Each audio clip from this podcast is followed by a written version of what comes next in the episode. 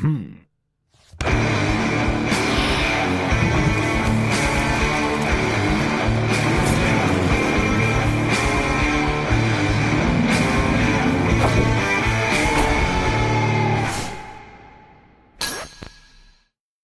Zdravo svima, dobrodošli u još jedan Agilaf podcast. Ovaj, a, pre nego što počnemo sa današnjom temom koja je velika i veoma važna i nada sve aktuelna, da uradimo ovaj formalni deo koji moramo da obavimo u samom startu.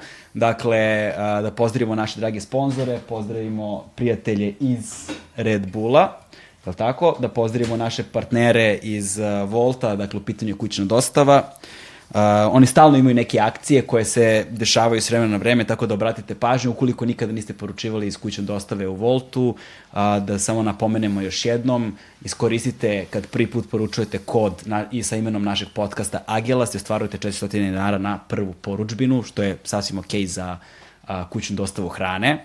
Pozdravimo naše Red Bulla, ćeš možda Red Bull? Kasni. Kasnije, ja, kasnije, dobro. Mm.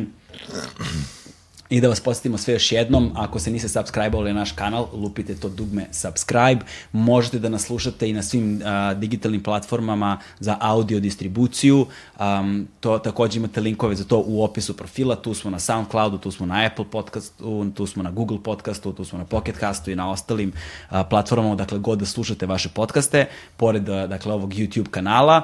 I naravno možete podržite naš kanal jednokratnim donacijama preko Paypala, link je u opisu videa i takođe možete a, da nas podržite i mesečnim pretplatama a, preko Patreona, link je u opisu videa, ukoliko nas slušate na audio platformama, u opisu a, svake epizode stoje vam linkovi kako možete da nas podržite.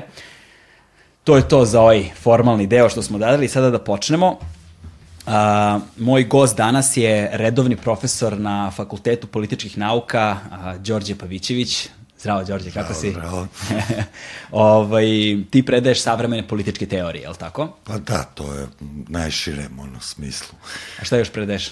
Pa to je sad postalo kao srednja škola, nemaš više jedan ono Da, da. kao, ali to je taj najkrupniji predmet na osnovnim studijama a, i različito je onda na masteru doktorskim i uglavnom te neke teorije pravde, demokratije, a, nešto imaju kulturi ljudskih prava i to je to, otprilike. O, to je otprilike to, dobro. Ono zbog čega smo se nas dvojica naši danas, a i prethodnih nekoliko dana, ovaj, kada smo išli na proteste zajedno, je upravo ovo što se trenutno dešava u Srbiji. Dakle, u Srbiji, um, danas kada snimamo ovaj podcast, uh, danas je ponedeljak, što znači da već šest dana se u Beogradu, i ne samo u Beogradu, nego u Novom Sadu, Nišu i tako u drugim gradovima u Srbiji, dešavaju protesti protiv uh, vladavine Aleksandra Vučića I a, ono što sam primetio, nekoliko stvari u vezi sa ovim protestima, jeste pod brojem 1 da je ogroman broj mladih, izuzetno mladih ljudi na protestima. Ovaj, tome ćemo pričati otkud oni e, govore ljudi da se verovatno zeznuo Vučić kada je hteo da ih izbaci iz domova i da je tu napravio kardinalnu Ne, grešku. nećemo kućama. Nećemo kućama, tako je. Ali pored toga, a, druga stvar koja je ne samo u vezi sa ovim protestima, nego se ona dešava u sferi politike i ideologije već dosta dugo, a to je potpuna konfuzija jedna. Dešava se jedna totalna ideološka papazjanija, dešava se ogromna konfuzija, dešava se to da je populizam jači nego ikada do sada i a, da su ljudi strašno zbunjeni zbunjeni su, ne znaju ni kome da veruju, da li ikome mogu da veruju, ne znaju kako da rastumače pojmove, ne znaju šta se tačno dešava i nije mnogima jasno kako se nalazimo tu gde se nalazimo danas i kako je izgledao razvojni put svega toga. To je ono što ćemo mi probati, barem nekako da dodirnemo koliko možemo u ovom razgovoru. I u vezi sa time ja bih a, pročitao jedan, ali verovatno ćemo pročitati više odlomaka iz a, knjige koju si pisao sa Markom Simendićem. U pitanju je a, knjiga Disciplinovanje demokratije, koju je objavila fabrika knjiga našeg dragog Dejana Ilića, pozdrav za Dejana Ilića, mislim da smo njegove knjige najčešće koristili u ovom podcastu. Ovaj, uskoro će i on biti gost, pa ćemo moći da razgovaramo o svemu i svačemu. I za početak bismo mogli da pomenemo, pa recimo, ajmo da vidimo, um, dva dva, dva, dva odlomka bi bili dobri ovaj, šlagvorti da počnemo da pričamo. Prvi je, dakle, na početku negde, koje je ovo poglavlje, To je uvod. to je u uvod, uvodnom delu, ok, da, u uvodnom delu kaže Ako su predstavničke ustanove najpre bile upotrebljene da disciplinuju političko delo i očiste ga od arogantne ambicije običnog čoveka da učestvuje u političkom odlučivanju, u ovom koraku disciplinovan je i pojam demokratije tako što je očišćeno od očekivanja i ambicije da demokratija ostvaruje ideje i vrednosti u svom društvenom okruženju. U vezi sa time, na jedan način, možemo da kažemo i da tek na kraju se na kraju knjige otprilike stoji ovaj odlomak Tek na početku 21. veka Srbija je počela ponovo da gradi institucije liberalne demokratije prema datom tranzicionom modelu. Institucionalni model takozvanih starih ili naprednih demokratija postoje uzor, a njegove institucije i zakonska rešenja preslikavani su bez ozbiljnog promišljenja i ovaj model se urušava pod talasom nove krize, pod znacima navoda, demokratije u Evropi. Demokratija je dakle u Srbiju dolazila i iz nje odlazila u talasima, koji su je obično zakasnelo zapliskivali. Dakle, hajde da počnemo od ovog pojma disciplinovanje demokratije iz uvodnog dela koji si pomenuo. Pa onda da pređemo, u tom, da, da, da pređemo na to kako smo mi zapravo ušli u te demokratske promene u trenutku kada je demokratija ušla u krizu u svetu, ali to će da se nadoveže na ovaj da. Pa da, to, to je stvari bila ideja kad smo Marko i ja to pisali. A, znači, bila ideja najpre da probamo da artikulišemo te kritike demokratije, znači mm. kako su ljudi kritikovali demokratiju tokom istorije, a onda kad smo uzeli malo više to da čitamo, u stvari e, videli smo da to nije baš tako jednostavno kako nam se činilo na prvi pogled i da u stvari sve te kritike, stare kritike demokratije sad postoje kao pojam demokratije. E, znači ono što je bilo, ne znam, nekada e, demokratija je u stvari vladavina rulje, to više ne postoji zato što postoje predstavničke institucije, prosto demokratija je očišćena od običnih ljudi. Od, Očišćena od naroda. Od naroda, da. Najpre, znači, pa ta transformacija se događa tamo negde početkom 19. veka, krajem 18. i e, kada se u stvari izmišljen taj pojam predstavničke demokratije. On se prvi put tad pojavljuje. Kada? Uh, pa negde krajem 18. veka. Tek. Tek. Tek. I to imate u, re, u rečenicama tipa a, da se nakalemi predstavništvo na demokratiju. A, znači, predstavništvo je teološki pojam. On dolazi iz ovih a, teoloških tradicija, političkih tradicija. Znači, vladar je predstavnik Boga na zemlji. Da, da. Dok je još uvijek postala ta ontološka da, vertikala da, da, zapravo. Da, da, i on predstavlja narod, recimo, mm. ceo e, tako dalje. Tako da e, u tom smislu je bilo zanimljiv taj, e, taj spoj, ali onda odjednom sad više nemate taj upliv e, ljudi u vladavinu, recimo u Grčkoj su lutrijom birali e, ko će da obavlja određene funkcije, u stvari većim delom nisu, e, nisu za sve, jer ako sve jedno je ko će obavljati određenu funkciju i ono što nam je bilo zanimljivo da recimo od Matine, stare Grčke pa do kraja 18. veka, u stvari u staroj Grčkoj nemate ni jednu pohvalu demokratije. Uvek su je samo kritikovali. Da, da, samo, uh, tek onda počinje demokratija malo da se uh, uzima za ozbiljno, ali uzima se za ozbiljno znači posle ovih građanskih revolucija pre svega. Mm a, i uzima se za ozbiljno u ovom reartikulisanom obliku. Kom reartikulisanom obliku? Pa znači a, više a, narod nema direktan upliv u funkcionisanje institucije, ali građani, a, nego a, imaju tu mogućnost da a, na izborima biraju ko će upravljati ko će upravljati umesto njih, i, ali čitav 19. vek, na primjer, su se jako trudili do čak e, pred drugi svetski rat, su se trudili da pokažu da te institucije ipak e, predstavljaju nekakvu opštu volju, narod i tako dalje, e, da na neki način sažimaju ono što su bile stare demokratske vrednosti. I to je bilo, znači, taj prvi korak u, mi smo to zvali razoružavanje demokratije, mm -hmm. znači vi prosto na neki način omogućujete samo onima koji su uh, i uglavnom je tako bilo obrazovani ili bogati da mogu da a, učestvuju u političkom životu i da imaju makar težinu u političkom životu, a posle toga je čak nakon drugog svetskog rata taj pojam očišćen i od tog sadržaja. Više se nisu ni trudili a, da pokažu da je to sad demokratija predstavlja nekakvu opštu volju, da ona da institucije rade ono što narod želi od, ili građani žele od njih, nego se prosto svodilo na, kako Šumpeter, tamo ja tih autora kaže, selekciju kandidata. -hmm, Najbolji da, da. način kako selektujete kandidate u tom pogledu i onda, makar ova demokratija kakvu danas poznajemo je triumfovala i to je ono što je bilo prosto u tom simboličkom smislu reči. Danas je to univerzalna stvar, znači niko ne ili gotovo niko neće reći nije demokrata u tom pogledu, a to bi bilo neobično recimo ranije ili ne, neobično bi bilo i čak pre prvog svetskog rata, na primjer da pričate o tome da vlada predlaže zakone parlamentu, da se on, a, parlament samo daje amandmane i ulaže, prosto vlada je bila drugo telo koje je bilo podređeno parlamentu u tom pogledu da, i da. nije imalo šta se petlja oko, oko toga. Danas je potpuno obrnuto i danas prosto imamo tu dominaciju izvršne vlasti koja je uh, podredila parlamente skoro svuda, a, a dobro, sudove ne baš toliko svuda je podjednako.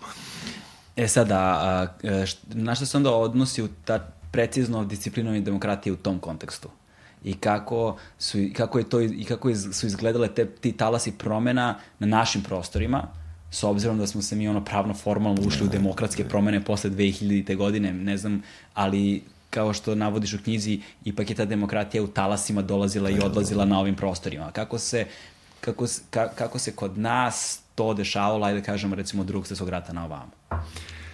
Da, i tu mi smo bili deo tog hladnoratovskog borbe oko pojma demokratije. Da. Znači, mi bili smo, na, nažalost, na izgubljenoj strani te ideološke bitke. Znači, kod nas je korišćen taj kako se to zvalo, suštinski ili sadržinski pojam demokratije, gde u stvari nije bila važna samo forma, nego je bilo važno da ta suština a, bude ostvarena na neki način.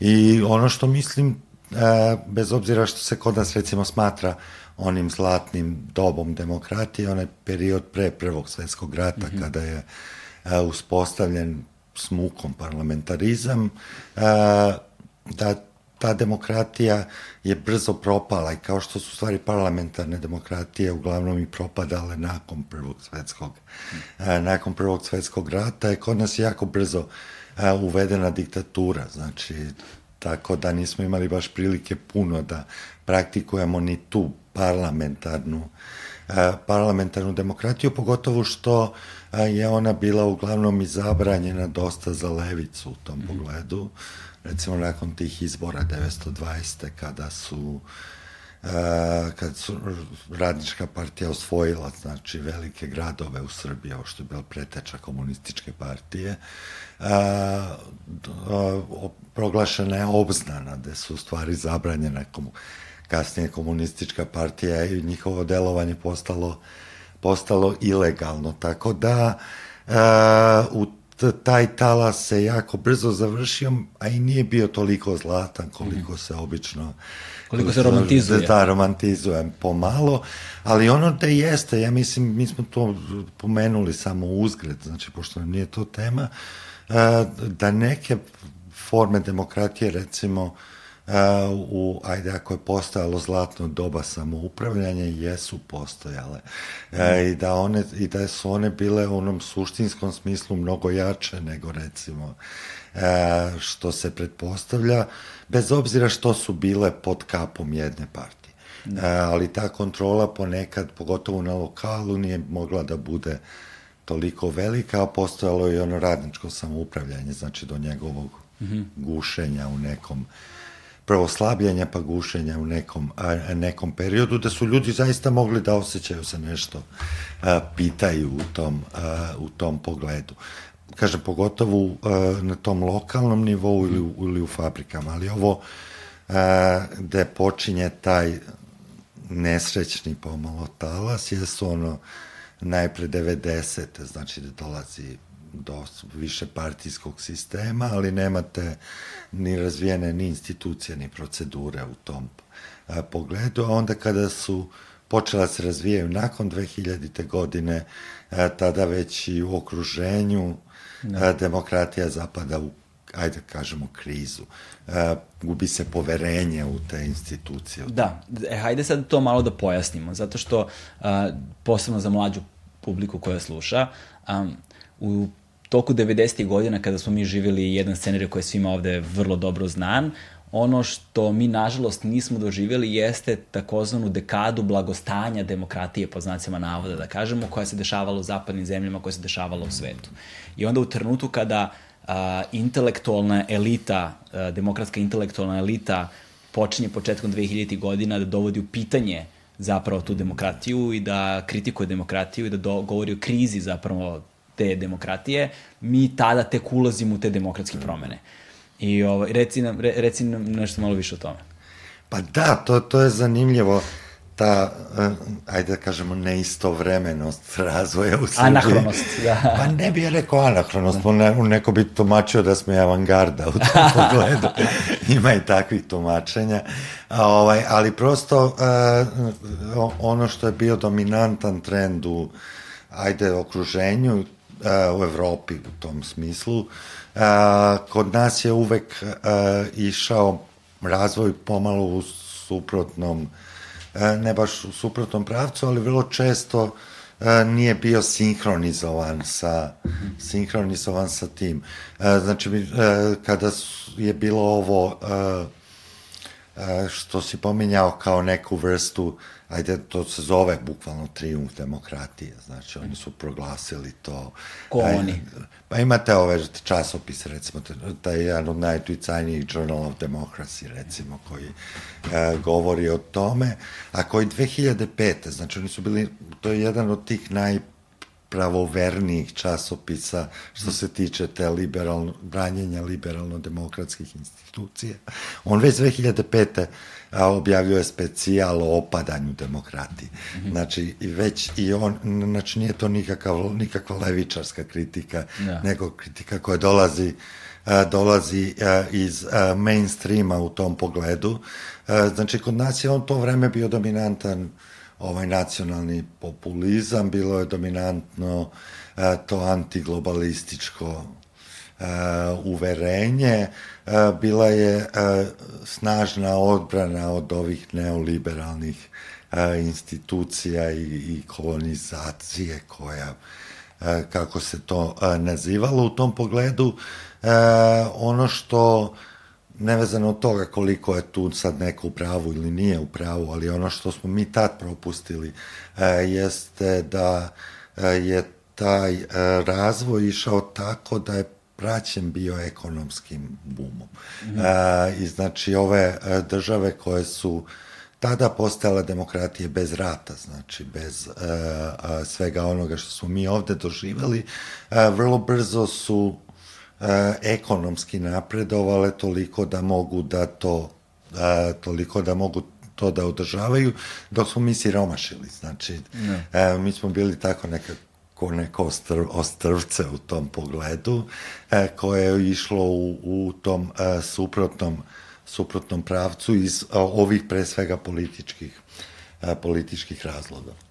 Da, tu si sada pomenuo uh, nekoliko stvari koje su zanimljive, ta, taj nacionalni populizam s jedne strane, s druge strane uh, nacionalizam koji sad možemo da delimo na, na, zovimo ga neki lokalni i antiglobalistički koji si malo prepomenuo i to su teme koje su ko, koje ćemo, kojih ćemo se svakako dotaći, jer mislim da su strašno važne da bismo razumeli kontekst današnjice i da bismo razumeli taj desni populizam koji nije jak samo ovde na lokalu, nego nekako postoji globalni trendovi. I volio bih da uporedimo lokalnu situaciju sa time što se dešava u svetu u ovom trenutku, jer ta konfuzija postaje negde opšte mesto globalno posmatrano.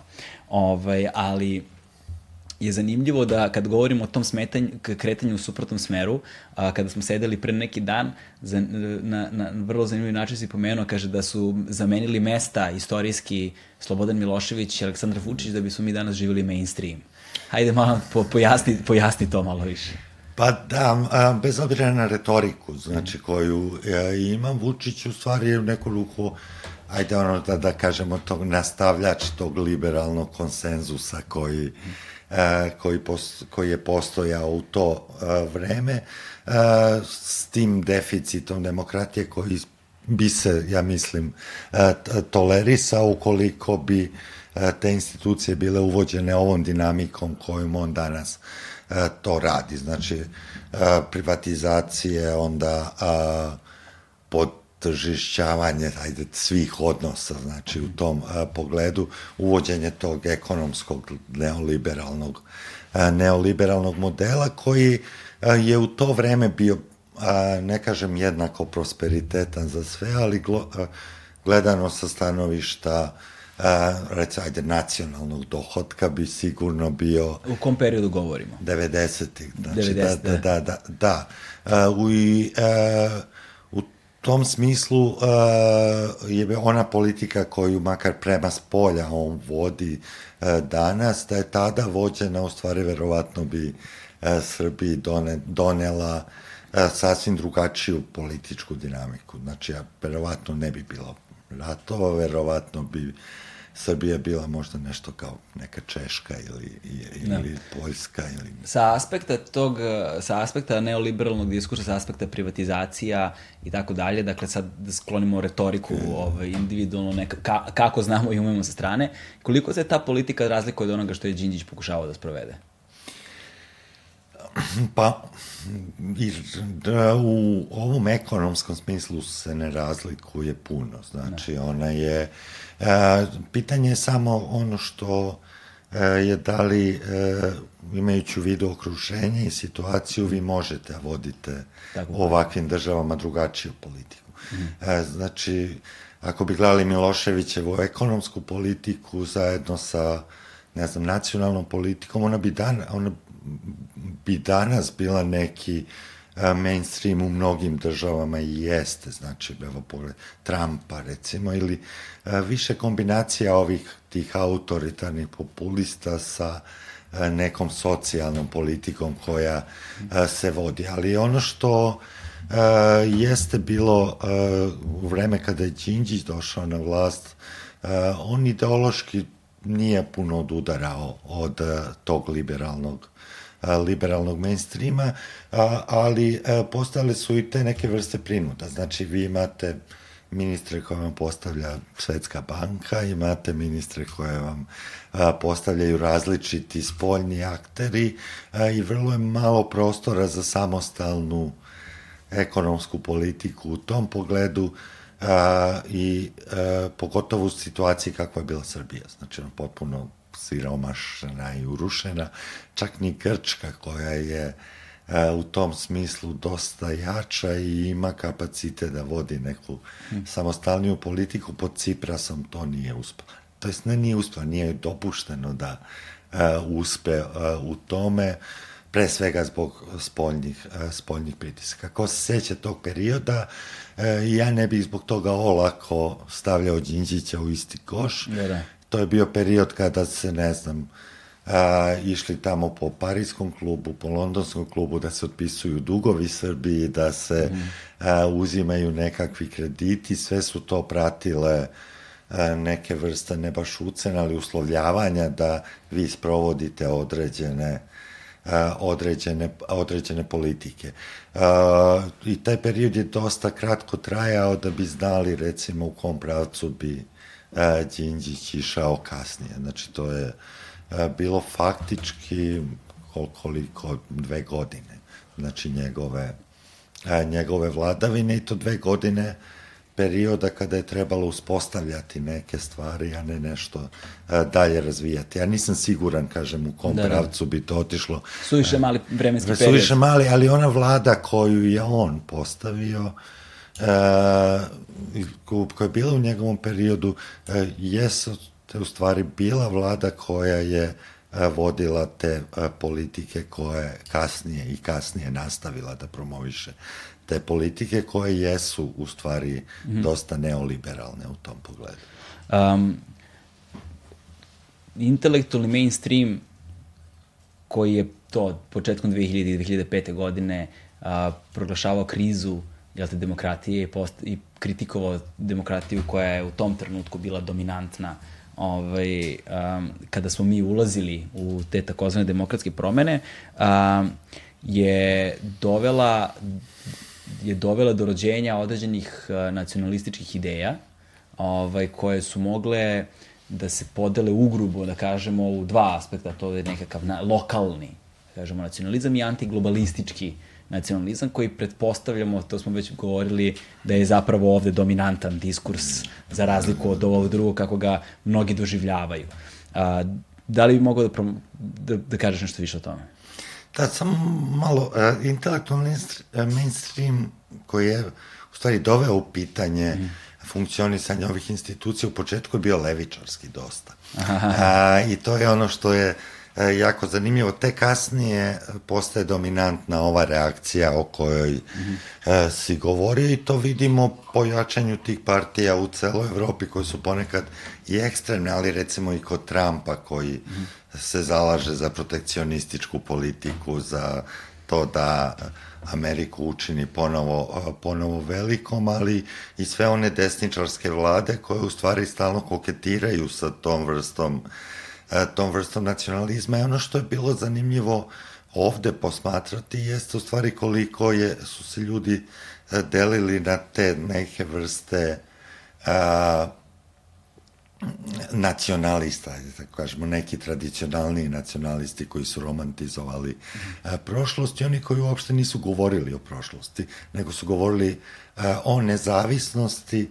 a, i govorili su a, protiv globalizma u tom pogledu i to jeste zaista napravilo jedan onako ideološki bastard ja. koji nije prvi put nastao u, u možda u istoriji, ali koji je kombinacija u stvari e, tih različitih elemenata. Kod nas ste imali e, ja sam navodio u razgovoru primer Ljube Tadića, na primer pokojnog, e, koji je... O, oca Borisa Tadića. Oca Borisa Tadića, koji je bio do kraja života i levičar i nacionalist. Da, da, da. imate u a, Južnoj Americi recimo dosta tih, e, dosta tih kombinacija. Le Penova u Francuskoj recimo a, popunjava a, taj prostor, ona je ima i taj socijalni moment dosta jak, ali ima i ovaj izraženi desničarski. U tom smislu je recimo komična bila rasprava pred evropske izbore između bila ideja da se AFD, ovaj nemački alternativa za Nemačku i Narodni front francuski zajedno nastupaju na izborima, a, ali su iz AFD-a odgovorili da oni ne mogu da idu za Narodnim frontom zato što su oni leviča, a, a ovi su liberali. Da. I onda kad vam to neko, kad znate te dve partije i kad izgovore, kad neko takvu rečenicu, neko ko poznaje ideološku sliku iz učbenika, verovatno mu da. onako nastane kratki spoj u mozgu. Da. Znači, kako je sad, ne znam, uh, AFD liberalan, a Narodni front levičarski. Da, da po, posebno ako uzmemo u obzir trenutak u kojem živimo sada, kada je društvo radikalno polarizovano na takozvane leve i takozvane desne, koji se još ono dalje kolokvijalno ih nazivaju s jedne strane antifa, s druge strane su svi fašisti i onda ono sad više ne, to, to, toliko su rabljeni ti izrazi, toliko je inflatorna njihova upotreba da je izgubila svaki smisao. Znaš, šta danas znači biti ono fašista kada nekome kada je svako optužen za to i kada se prosto u identitetima grupa i pojedinaca ne uzimaju u obzir sve te neke oprečne kategorije koje mogu zapravo da sadrže u sebi. Pa da, to je, to, to, ta, ta, ta, uvek e, to je shvaćeno ranije, znači da je, je vrlo važno za dominaciju u političkom polju da imate ono što se zove hegemonija, da, da vladate pojmovima, da vladate značenjima, e, značenjima reči i u tom pogledu onda ste vi gospodar i e, ne samo e, poluga vlasti, nego i jezika u tom pogledu koji se upotrebljava. I tu je i, i zbog toga nastaje vrlo često ta konfuzija. Znači, kada se raspada neka vrsta konsenzusa koji e, postoji, znači ranije je bilo jednostavno. Imali ste dva ideološka bloka, ili ste jedan ili drugi, ali u jednom i drugom je najveći broj stvari bio jasan. Da, da, znači, da. šta znači šta. E, kasnije, kada je e, ova uvedena ova tranziciona terminologija i tu je bilo poprilično jasno šta znači šta, ali e, kada se raspao taj konsenzus o tome da je to poželjan put kome sve zemlje treba da, da. teže, onda odjednom nastaje ta vrsta konfuzije i nastaju različite borbe oko toga šta da. znači određena reč, pa i borba oko značenja reči demokratije. Jer ona, ono značenje koje prevlada to nije samo prevladalo u jeziku, nego imate čitav niz institucija koje to, mm -hmm. koje to prate u tom, uh, u tom pogledu. Uh, možda najpoznatiji citat tog tipa je ono da je nekome neko borac za slobodu, a drugome terorista. Uh, e sad to imenovanje, da li ćete imenovati nekoga teroristom ili borcem za slobodu, ima čitav niz a, implikacija i u pogledu toga kako se ljudi ponašaju prema njemu, kako ga institucija tretiraju. Da, da, da. da će ići u zatvor ili će biti heroj tako, u, tako, tom, da. po, u tom pogledu. Tako i sa svim političkim a, pojmovima u tom, u tom pogledu. Recimo kad kod nas izađe neko na televiziju i onda tako nešto kaže, bo mi koji čitamo te knjige, nama je to ono uh, uhvatimo se za glavu otprilike, da. ali uh, ono što njemu važno nije važno da ubedi nas, nego da ubedi druge da uh, je to tako.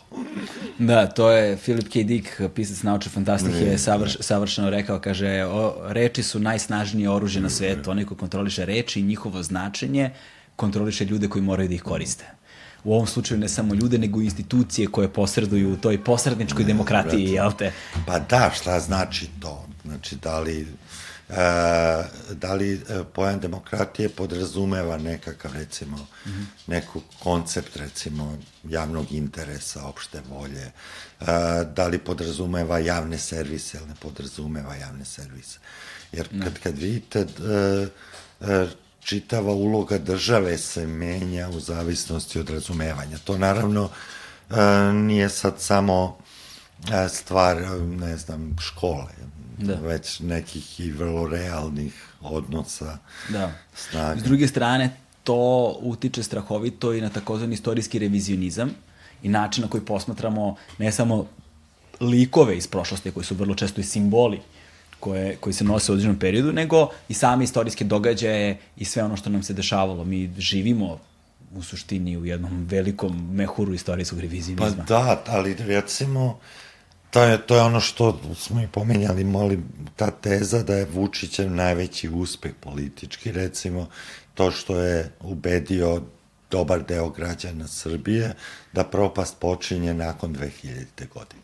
E, znači da u stvari sve ono što je bilo pre 2000. godine bilo i grešak, ali bilo i ovako i onako, ali prava sistemski put u propast kreće nakon 2000. godine i da on sad u stvari jeste spasilac e, da. ljudi iz tog puta i onda je u stvari uh, uspeo da imobiliše sve političke aktere koji su mm. u tom smislu postojali i da on a, u stvari napravi nove te kritične tačke u kojima se prelama mm -hmm. istorija istorija i kako se računa istorija Srbije. Znači, da. E, I kad pogledate kako on to inkorporira, to jeste papazjanija velika. Kako to inkorporira? Hajde da pomenemo kako to inkorporira, a onda da pomenemo uh, uh, u kom kontekstu bismo mogli da kažemo da je počela zapravo ta propast koju on nameće na 2000. godinu i kako se razlikuje stvarnost od onoga što je nametnuto kroz, nametnuto kroz njegov narativ i kako ga on inkorporira.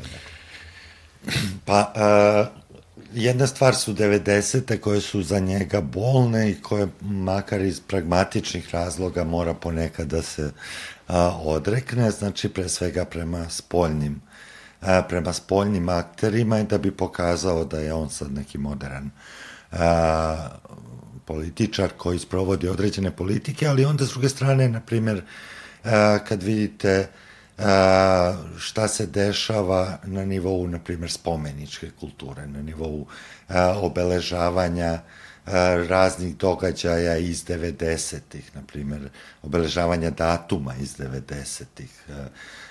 On pokušava na neki način to da uklopi sa tom slikom da a, u isto vreme gradi ili hoće da gradi spomenik Đinđiću, a, da hoće Borislavu Pekiću je a, napravio, pa onda ima i a, Nikolaju i ne znam kome sve a, i a, onda u stvari čitava ta istorija izgleda onako kao ravna kao da su svi ti ljudi na, na istoj ravni, na istoj ravni, istom nivou a, i potpuno a, relativizuje ono što se a, što se događalo, a sebe vrlo često recimo a, sa kim poredi, to je, a, to je jako zanimljivo. A, recimo u poslednje vreme voli sa Titom, ali ne znam, to je bilo valjda 2000, da li 2016. Da.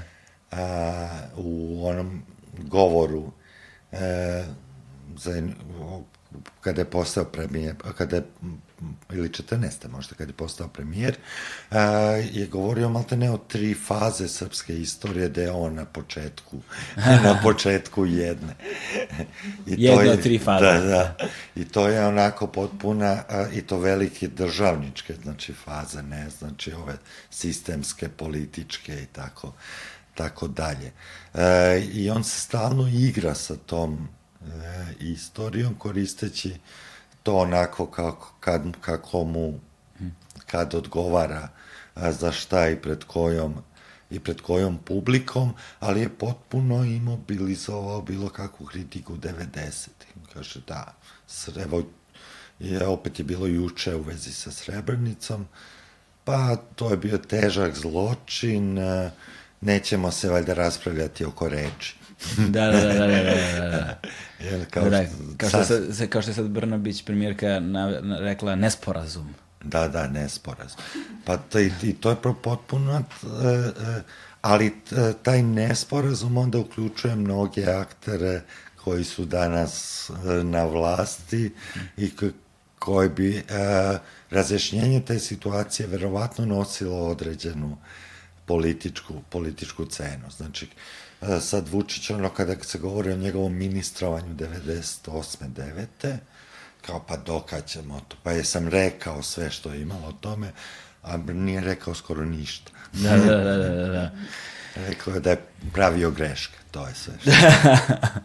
da, uh, eufemizam bi bio ovaj, um, eufemizam bi bio eufemizam za ono što, što, što kako on upotrebljava to. Uh, ono što hoću, ono, ono što, tu, tu zapravo mi počinjemo sa tom takozvanom papazjanijom jednom koja, koja izaziva ceo talas konfuzije, posebno kod mlađih populacija koje nemaju istoriju sećanja na te stvari, prosto nisu rođeni u to vreme, a koji se sada nalaze na ulicama Beograda i drugih gradova u Srbiji, s jedne strane. S druge strane, na globalnom nivou, kao što si malo propomenuo, upravo se dešava ta ta politika identiteta koja e, je vrlo konfuzna i koja u sebi sadrži brojne oprečne kategorije i koja se komunicira kroz jedan populistički ovaj, narativ, tako da se na jedan potpuno čudan način dešava internacionalna desnica. što, bi, što bi trebalo da je apsolutno nemoguća kategorija, ali Poznato je da je kroz istoriju desne frakcije obično jesu sarađivale na određene načine, ono gde nastaje problem jeste kada govore o teritorijama i tako dalje, tu onda imamo ogroman problem, ali su se na ideološkom planu negde sretale. Mislim, isto, sa, istorija i to ono, poznata istorija govori o tome dosta, ali ovo je jedan vrlo specifičan trenutak. Pa da, to, e, ali ima recimo te e, zanimljive knjige, recimo, ja jako volim taj period prve polovine 19. veka, na primjer, ideološki, e, to je bilo kao, ne znam, ono, Brianovo žitije, otprilike. Uh, Life of Brian. Da. Monty Python, za one koji da, ne znaju o čemu da, pričamo. Uh, to, to je ono kada, ne znam, oni beži iz onog zatvora i ispred tvrđave stoji 15 različitih propovednika koje propovedaju razne stvari, tako i tada bilo, a sve opcije su bile otvorene. da. E, I sve, o svemu se ne samo moglo raspravljati, nego su nastajali pokreti, ne znam. Mm hiljadu socijalističkih, hiljadu desničarskih cvetalo je tih cvetova, ali ono na kraju 19. veka, što kaže jedan autor, kaže, pobedio je ideološki bastard da. a, između, a taj ideološki bastard za njega je bio nacionalizam, mm. kaže.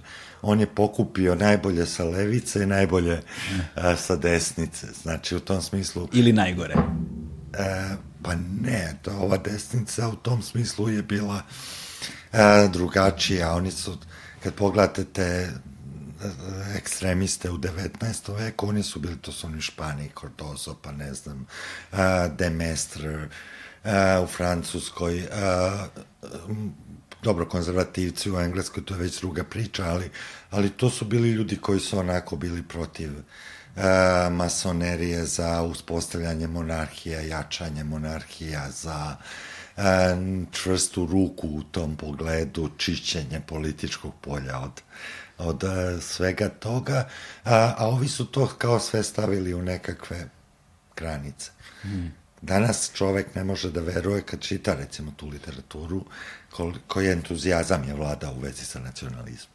Da, da. Znači, nacionalne države će da reše sve svetske probleme. Znači, svi će biti onako, uh, dovešće do tog mira to. Uh, Da, to zvuči baš nemoguće. Ali zvuči razumno ljudima, zato što neće biti, zato što će svak biti na svome i neće imati potrebe za tuđim i neće onda ni ratovati, a mogu da se organizuju kao demokratije iznutra. To je naravno prvi svetski rat razbio, drugi je pokazao kako je to katastrofalna ideja, pogotovo sa, kad se iskombinuje sa kapitalizmom u tom smislu.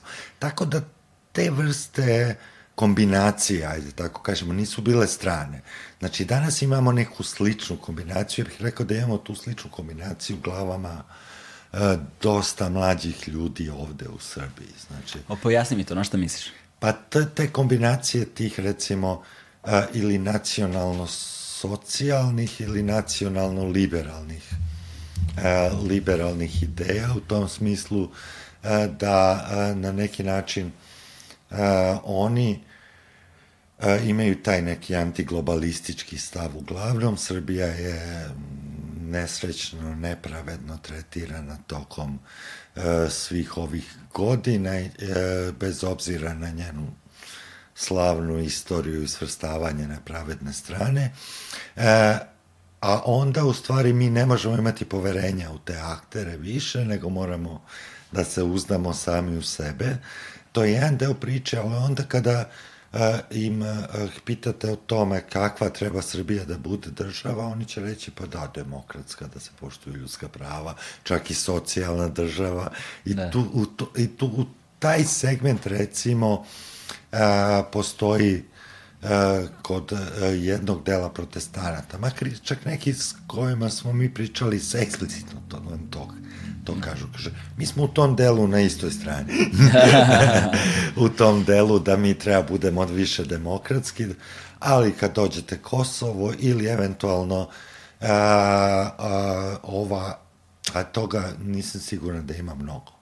O, to, to, to je ovaj aut, malo tradicionalni nacionalizam, to su ove grupe koje su priviženije crkvi. Da, da, da. Ali to te grupe, kad pogledate, ne mogu baš puno ljudi da mm. okupe i ne mogu baš da a, funkcionišu na takav način da budu politički jaka snaga, pogotovo što je crkva uvek bliža državi nego bilo kakvoj drugoj a, političkoj grupaciji, čak i po svojoj ideologiji, u stvari pravoslavna crkva je tako. Da, kao što si malo propomenuo, sa drugim svetskim ratom su se te ideje pokazale katastrofalnim, posebno u kombinaciji sa kapitalizmom.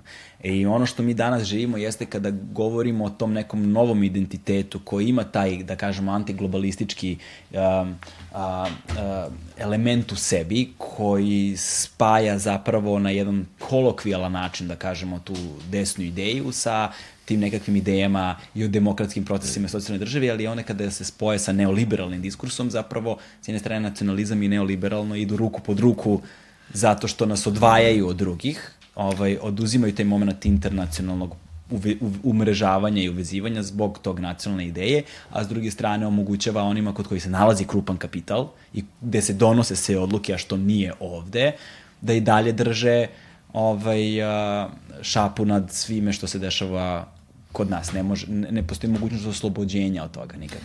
Pa da, to, to, to je taj gub, te, te, te demokratija u stvari gubi moć da se unutar nje vode nekakve emancipatorske politike u tom, da. u tom pogledu i to je tak, možda i najvažnija promena koja je bila recimo uh, sa demokratijama ili ovim liberalnim demokratijama nakon drugog svetskog rata.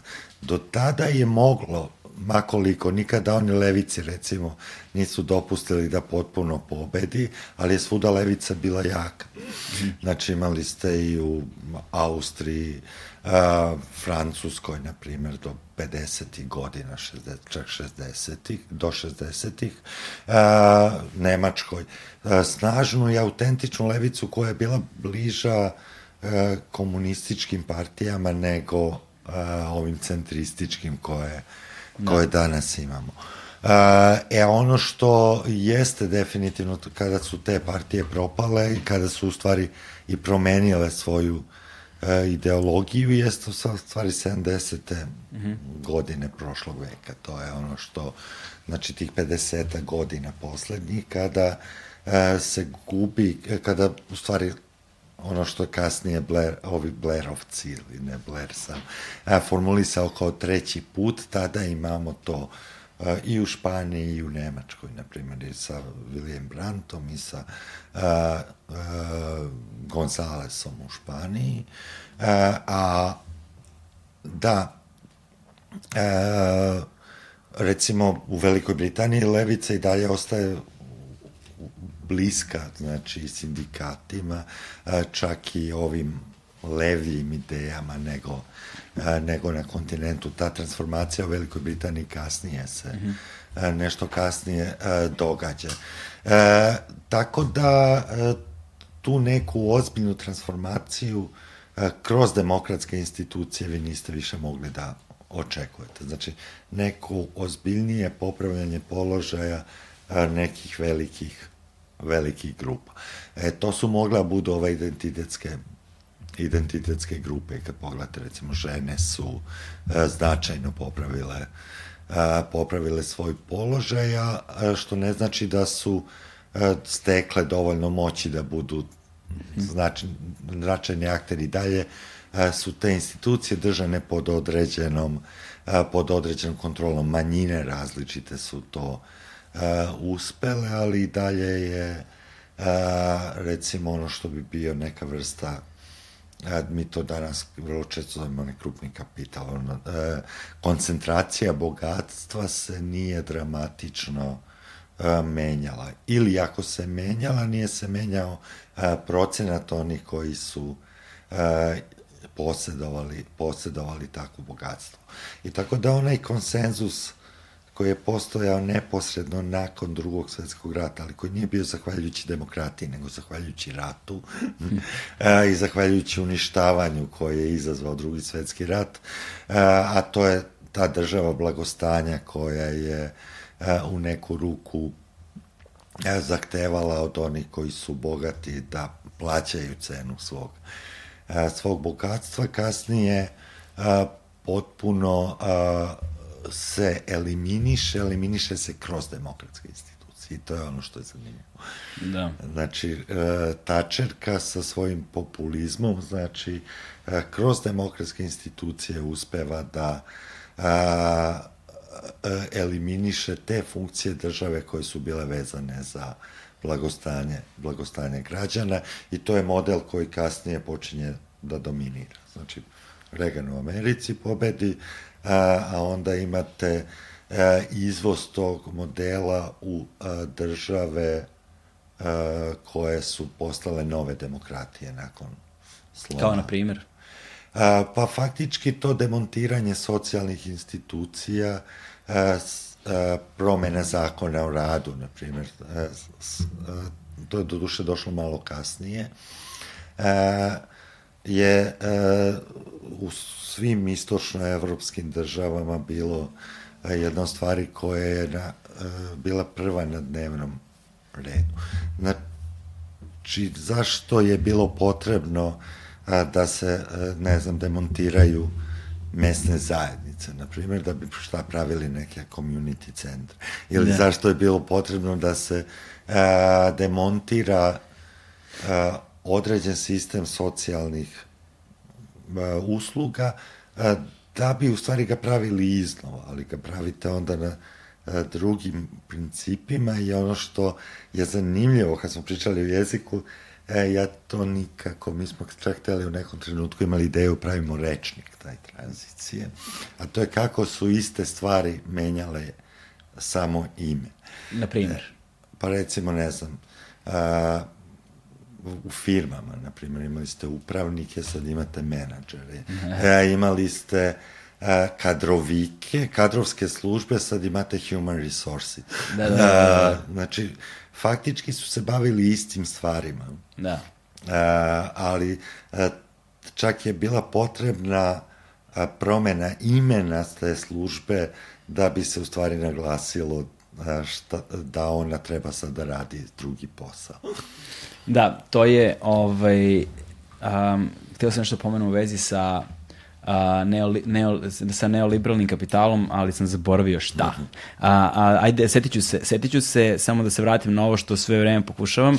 Pome, kada si pominjao a, Ljubi Tadića i pominjao taj spoj dakle levice i na, nacionalizma i religije jel te da je da i kada smo govorili o tom takozvanom levom populizmu i već u nekoliko navrata pominjao Veliku Britaniju ovaj i sa Tačarokom i sa um, konzervativistima njihovim i tako dalje um, u u, u kontekstu tog levog populizma možemo da govorimo onda i o časopisu, i o početku kulturnog rata zapravo i da govorimo o časopisu uh, Marxism Today, je li tako? Da, to, to smo navodili kao dobar primer, Sim. znači u tom pogledu, a, gde a, je, tu su bili recimo a, autori dosta poznati, dosta popularni danas, recimo poput Stuarta Halla, ne znam, Raymonda Williamsa, a, a, znači oni ljudi koji su a, začeli kulturne studije, recimo, u, a, u Velikoj Britaniji. U tom pogledu Hobsbawm, recimo, kao istoričar je vrlo često a, pisao i onda je a, e, to, to, tu a, bila jedna, a, ili zagovaralo jednu promenu unutar levice koja bi se odrekla one socijalne baze radnič, samo radničke socijalne baze, nego su stvari borila za a, širu hegemoniju, ajde tako kažemo, vodila jedan kulturni rat koji su oni smatrali da levica u tom trenutku gubi da. i da ga je izgubila. Da, Koji je to kulturni rat koja je gubila i izgubila? A, pa, to je zanimljivo kad, čitate recimo te tekste, to je 79. na primjer, te godine, plus minus, gde se u stvari koriste termini za, ne znam, kampanju Margaret Thatcher da je bila populistička. da je populistička u tom smislu što je koristila to da a, vi sada možete sami nezavisno od države i svi mogu to a, da žive i da će svima biti a, bolje da a, možete obavljati posao kod svoje kuće da kuvate ručak i tako dalje. Onako ulazila je u kuće na taj način, a, obećavala nešto što svakako a, i oni su bili svesni da niti je bio cilj, niti je bila a, namera da se a, to uradi, ali povezana dosta sa ovom idejom koju a, danas imamo mnogo više na ovoj desnici, ili kod konzervativaca, nego a, na levici, a to je a, da a, su u stvari određeni slojevi stanovništva odgovorni zašto imamo te socijalne eksperimente poput socijalizma.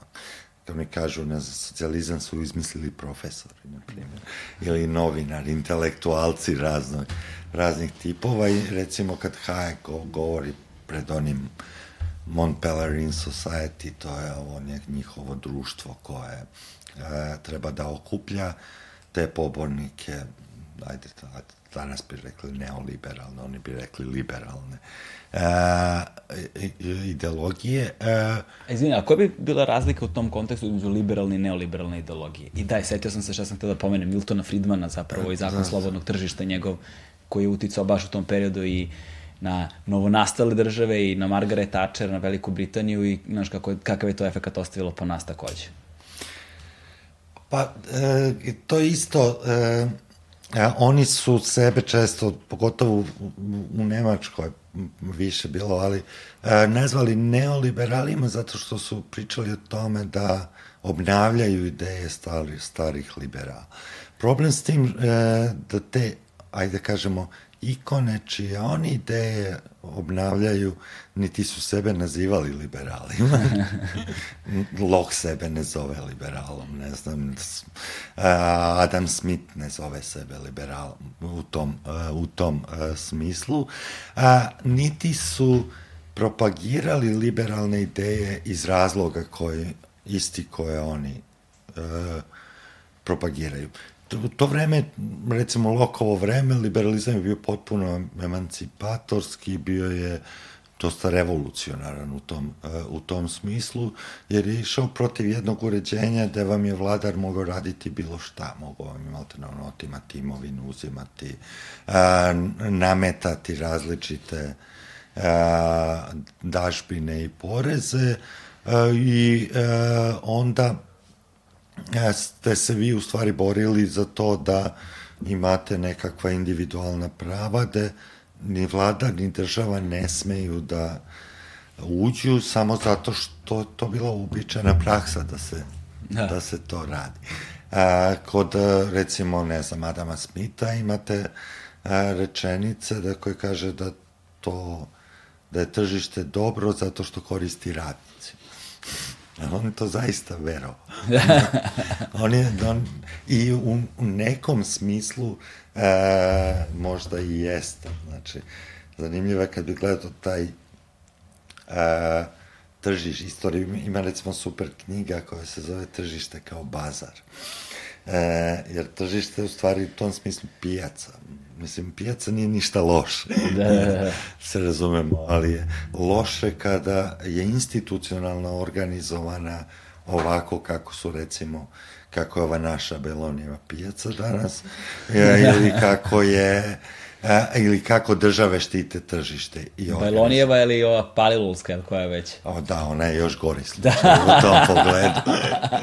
Ali sve jedno, neverovatno na obe možete kupiti istu robu po sličnim cenama mm -hmm. od istih uh, zakupaca, prekupaca i svih tih uh, snadbevača, posrednika koji uh, postoje i koji koriste pijačna pravila da u stvari uh, eliminišu uh, ono na šta smo nekad navikli da vidimo na pijacama, to su oni seljaci koji prodaju ono što a, proizvedu.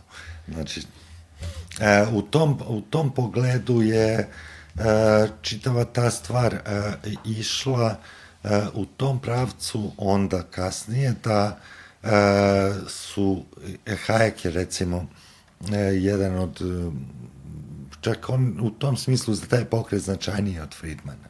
Da. A, zato što je više delova, on je organizovao taj Mont Pelerin Society koji je okupljao te, ta, te intelektualce tog tipa i a, oni su u stvari a, rano uvideli -hmm. da ono što njima nedostaje jeste propaganda njihovih ideja i ono što danas zovu diseminacija, širenje njihovih ideja među različitim stanovništvom.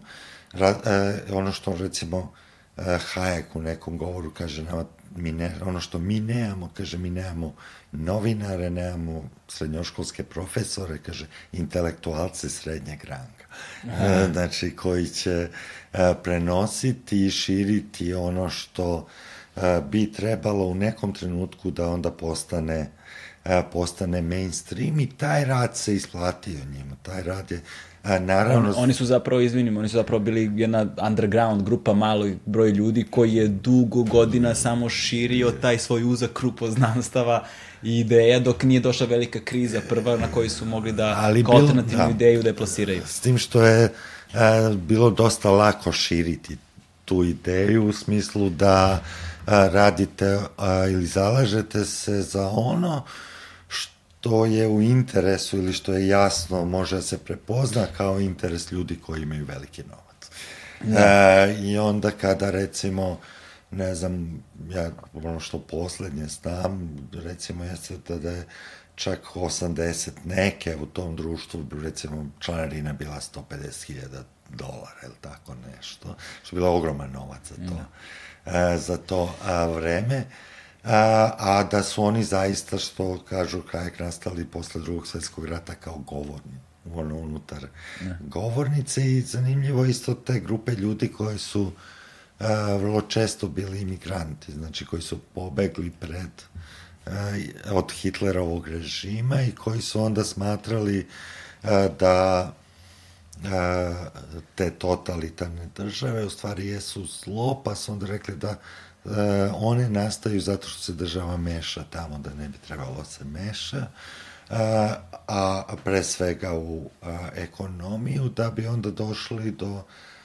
kasnije do neke ideje da ipak država treba da održava a, tržište ili funkcionisanje tržišta na određeni Dakle, da postoje određena regulacija države da ne bude u potpunosti slobodno.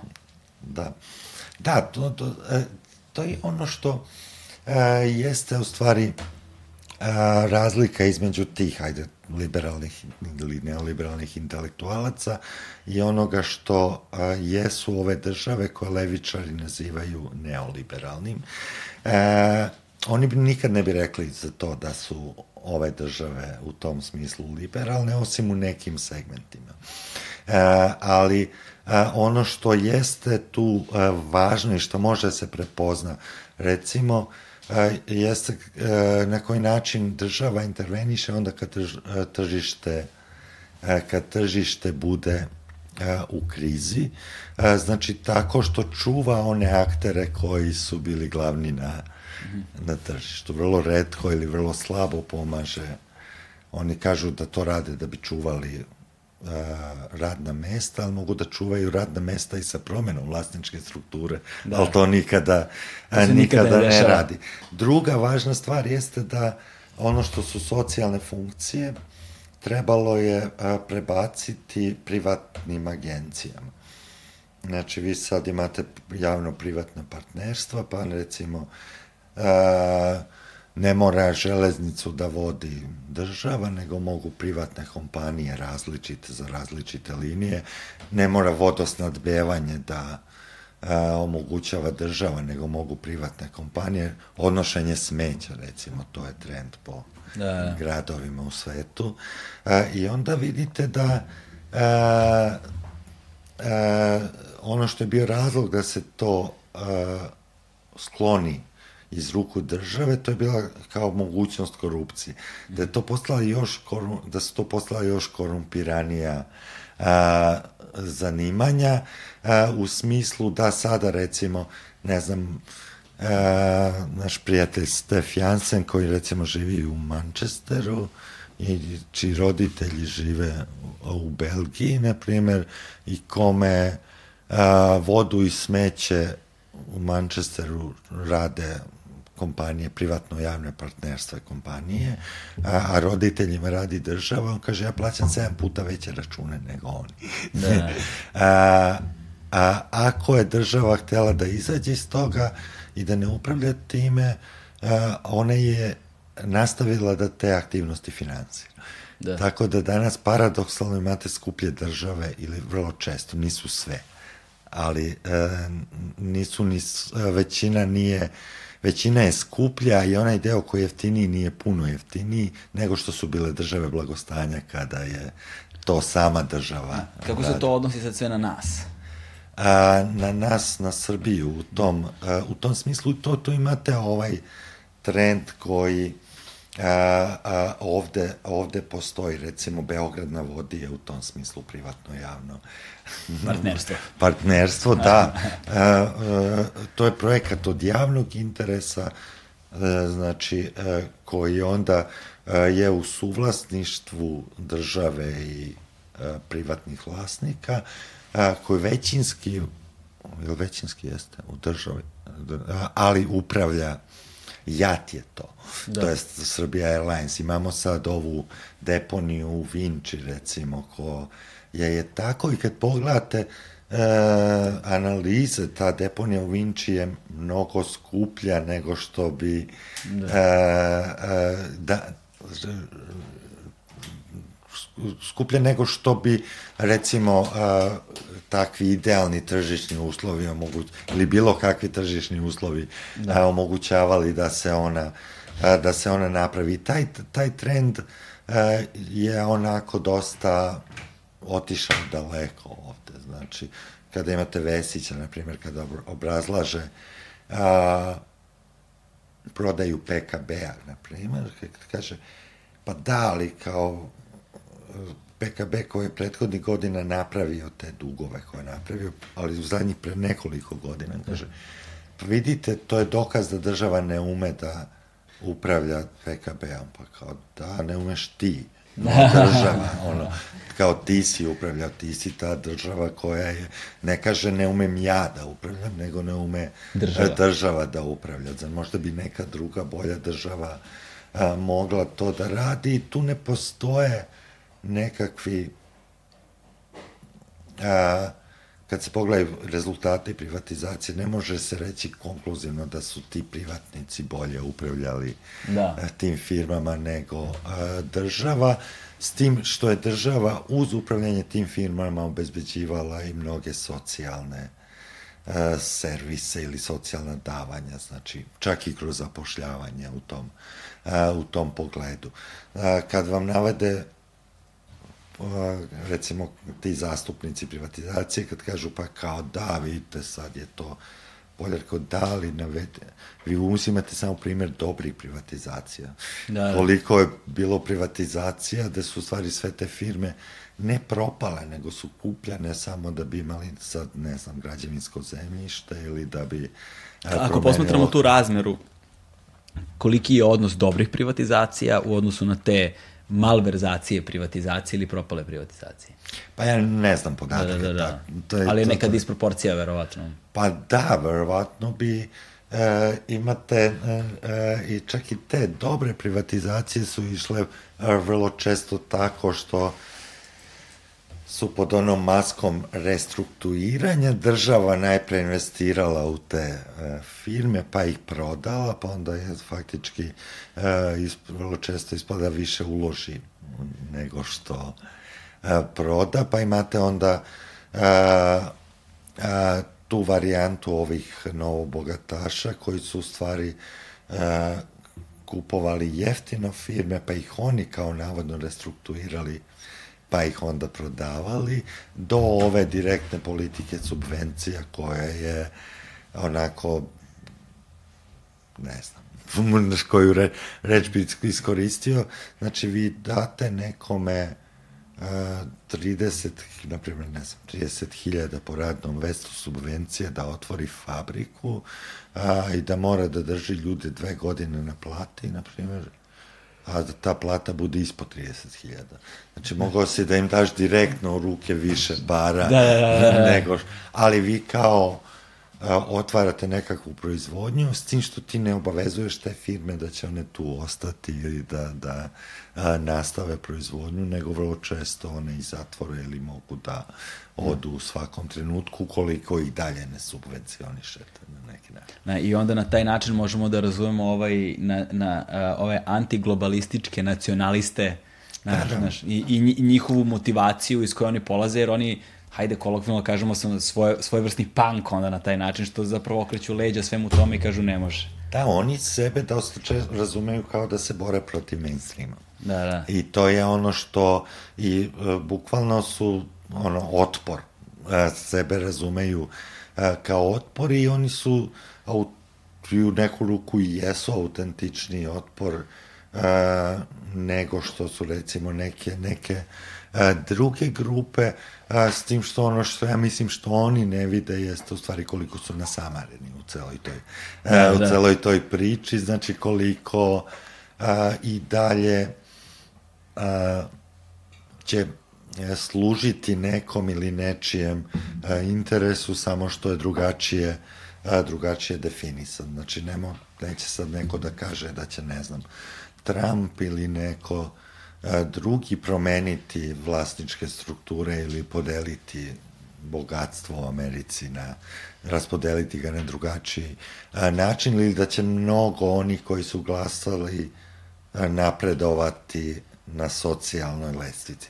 Znači više ja. od onih standardnih 3% koliko imate da a, tokom života promeni socijalni, socijalnu kategoriju. I tu su recimo neka upozorenja zaista zabrinjavajuće, recimo kad čitate Piketija, na primjer. Mm.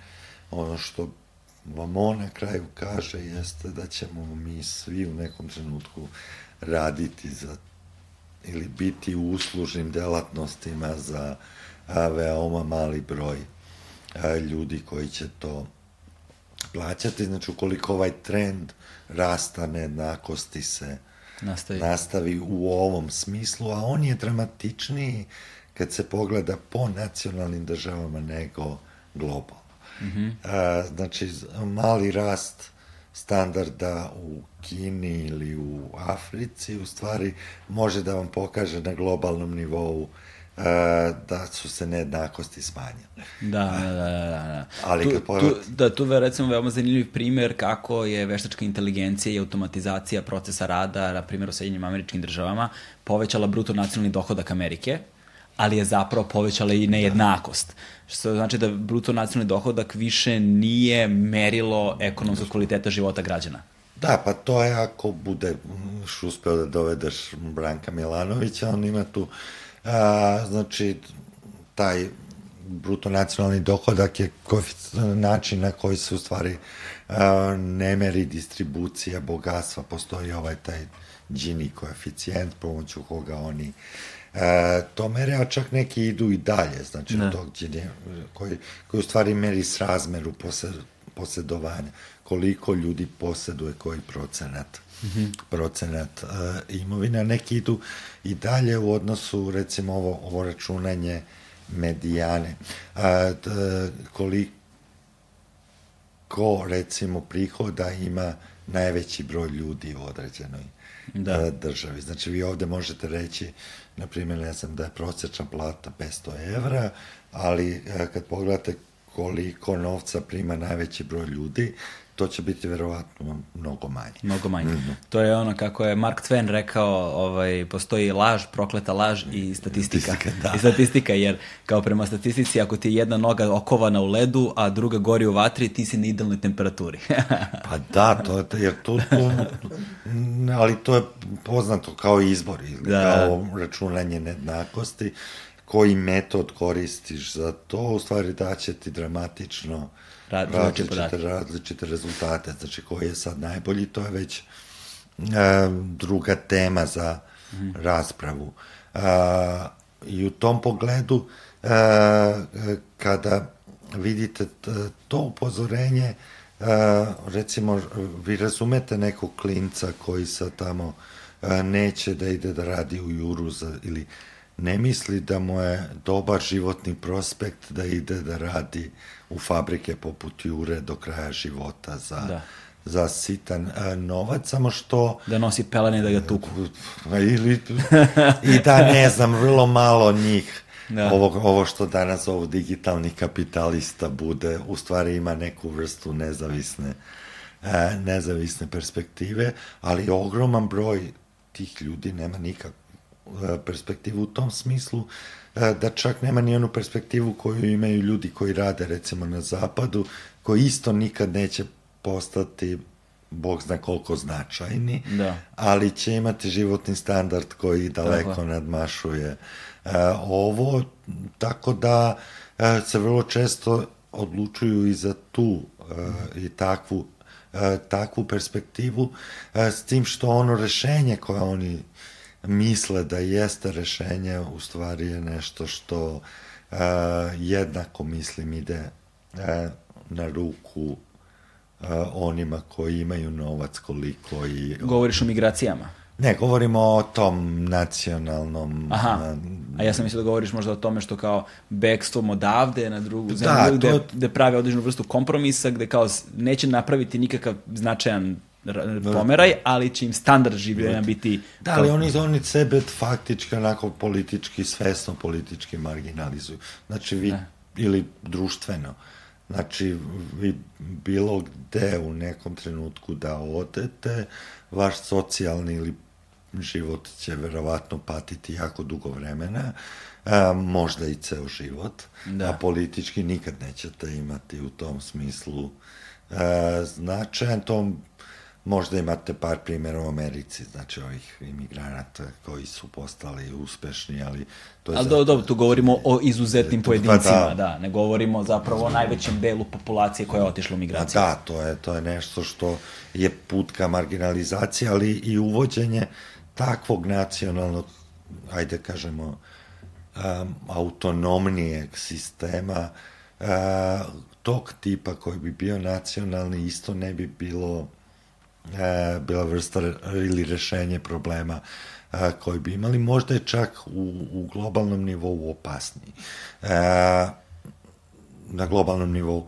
E, unutra, znači, e, makar sa tog e, ekonomskog e, stanovišta, e, da li te izrabljuje naš ili te izrabljuje neki stranac, prilično je e, sve jedno ono što se nazivaju oni naše gazde, mm. čak su u stvari bili gori poslodavci vrlo često u tom smislu od onih što su a, dolazili iz okruženja gde takve stvari ne smeju, da. A, ne smeju da se rade. A što se tiče tog globalnog a, a, i to, to, to je jako opasno. Recimo ima ta super knjiga ona iz 35. godine, ja mislim, 35. 6. Harold Laskis napisao ono o krizi demokratije tadašnje, e, gde on kaže, razmatra napetost kapitalizma i demokratije. Kaže, oni mogu da dobro funkcionišu dok ima ekonomskog rasta. Kad nema ekonomskog rasta, onda demokratija pati pred kapitalizmom uglavnom. Mislim, mi to vidimo sada u vreme pandemije. Pa da.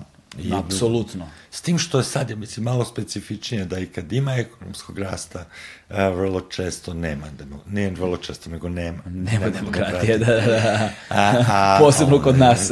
ali je, ta, ta, kaže, on kaže, razvio se sistem, on, on to zove, i to je super izraz, nacionalni kapitalizam, kaže. Ali ti kao nacionalni kapitalizmi imaju tendenciju da krizu izvoze u druge države. Da. I kaže, to, to, kaže, ali to govori pred drugi svetski rat, on kaže, ukoliko se to ne razreši unutar država, imate vrlo opasnu situaciju koja neće da se razreši bez konflikta. Da. U tom pogledu, tako da to igranje sa tim, recimo, mm. E, pitanje je dokle može da da odvede.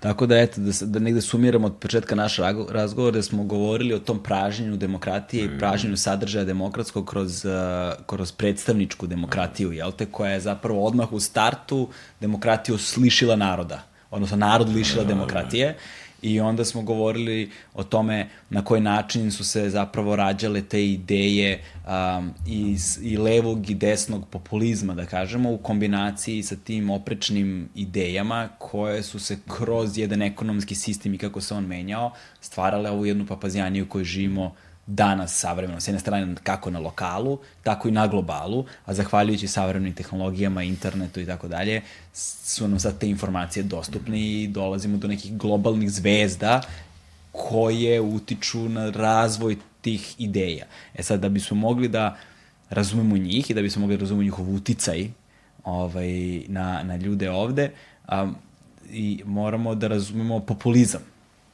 i taj kulturni rat a, jer u tom kulturnom ratu brojni vodeći mislioci dana su objavili rat marksizmu u suštini, kao što je Jordan Peterson, mm. na primjer, i slični. Ovaj, e sada, a, populizam je zapravo imao svoj razvojni put. On je prvo nastao um, on, on je prvo nastao kao, kao nekakav stil, jel te? Ovaj, da bi tek kasnije postao uh, ideja, odnosno ideologija. E sada, kako, kako izgleda taj istorijski razvojni put populizma?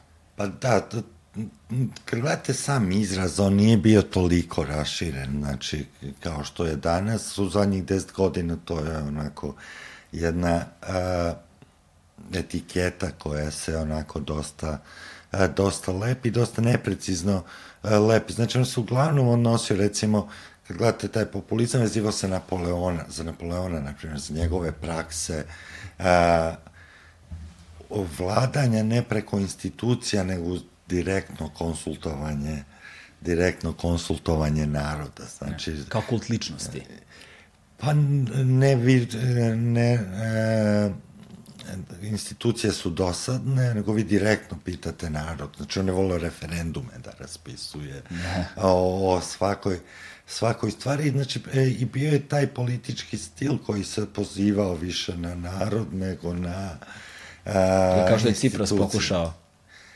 Pa Cipras je, da, u nekom, u, pa on je čak bio i na institucijama, nije samo bio, da. E, nije samo bio u tom, u tom pogledu. Mislim, o, mislim konkretno na referendum da, koji da, je bio da. sa Ohi, onim, ali koji je zapravo propao jer da, su pa, ipak da, mere sve... Da, da, onda vi kažete, hoćete jednu snažnu politiku, ajde da proverimo da. kako će, u stvari to i nije, to jeste i nije toliko populistički, ali vidi se, jeste zbog ishoda, da ste vi imali pozitivan referendum, a odustali ste od, od te politike u tom pogledu.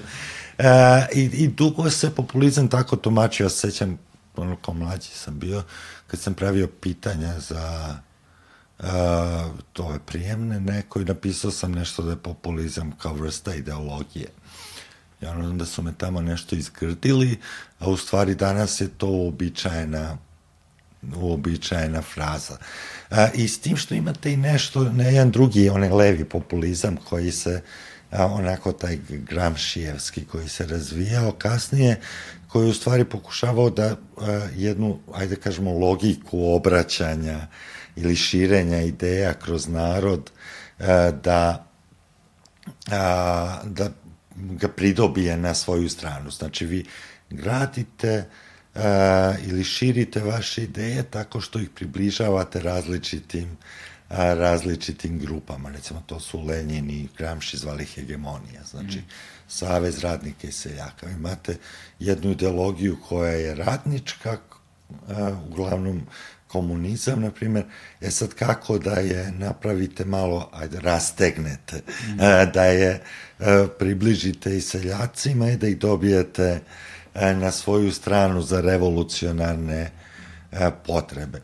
I a, ta vrsta populizma je takođe obnovljena 80-ih, 90-ih. Ona više postoji u ovom latinskom, mm. Latinskoj Americi. Dosta je značajna i tu nije nešto što je e, bilo toliko problematično, koliko je u stvari e, e,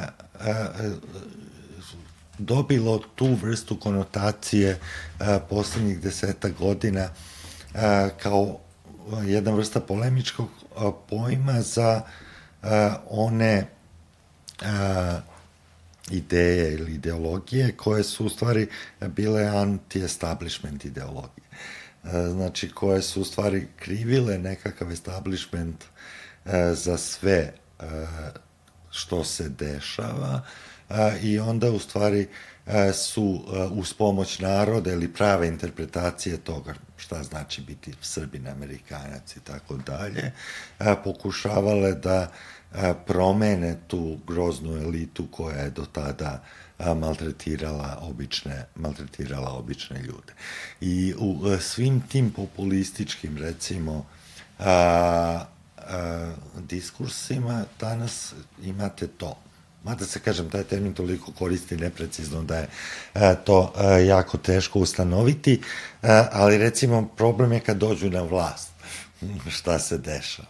Recimo, imate Trumpa koji hoće, evo juče nešto tweetovao za univerzitete, znači, kako su oni izvor isto to, tih levih e, ideja, pobuna i da država ne treba njima da daje, e, ne treba da daje pare.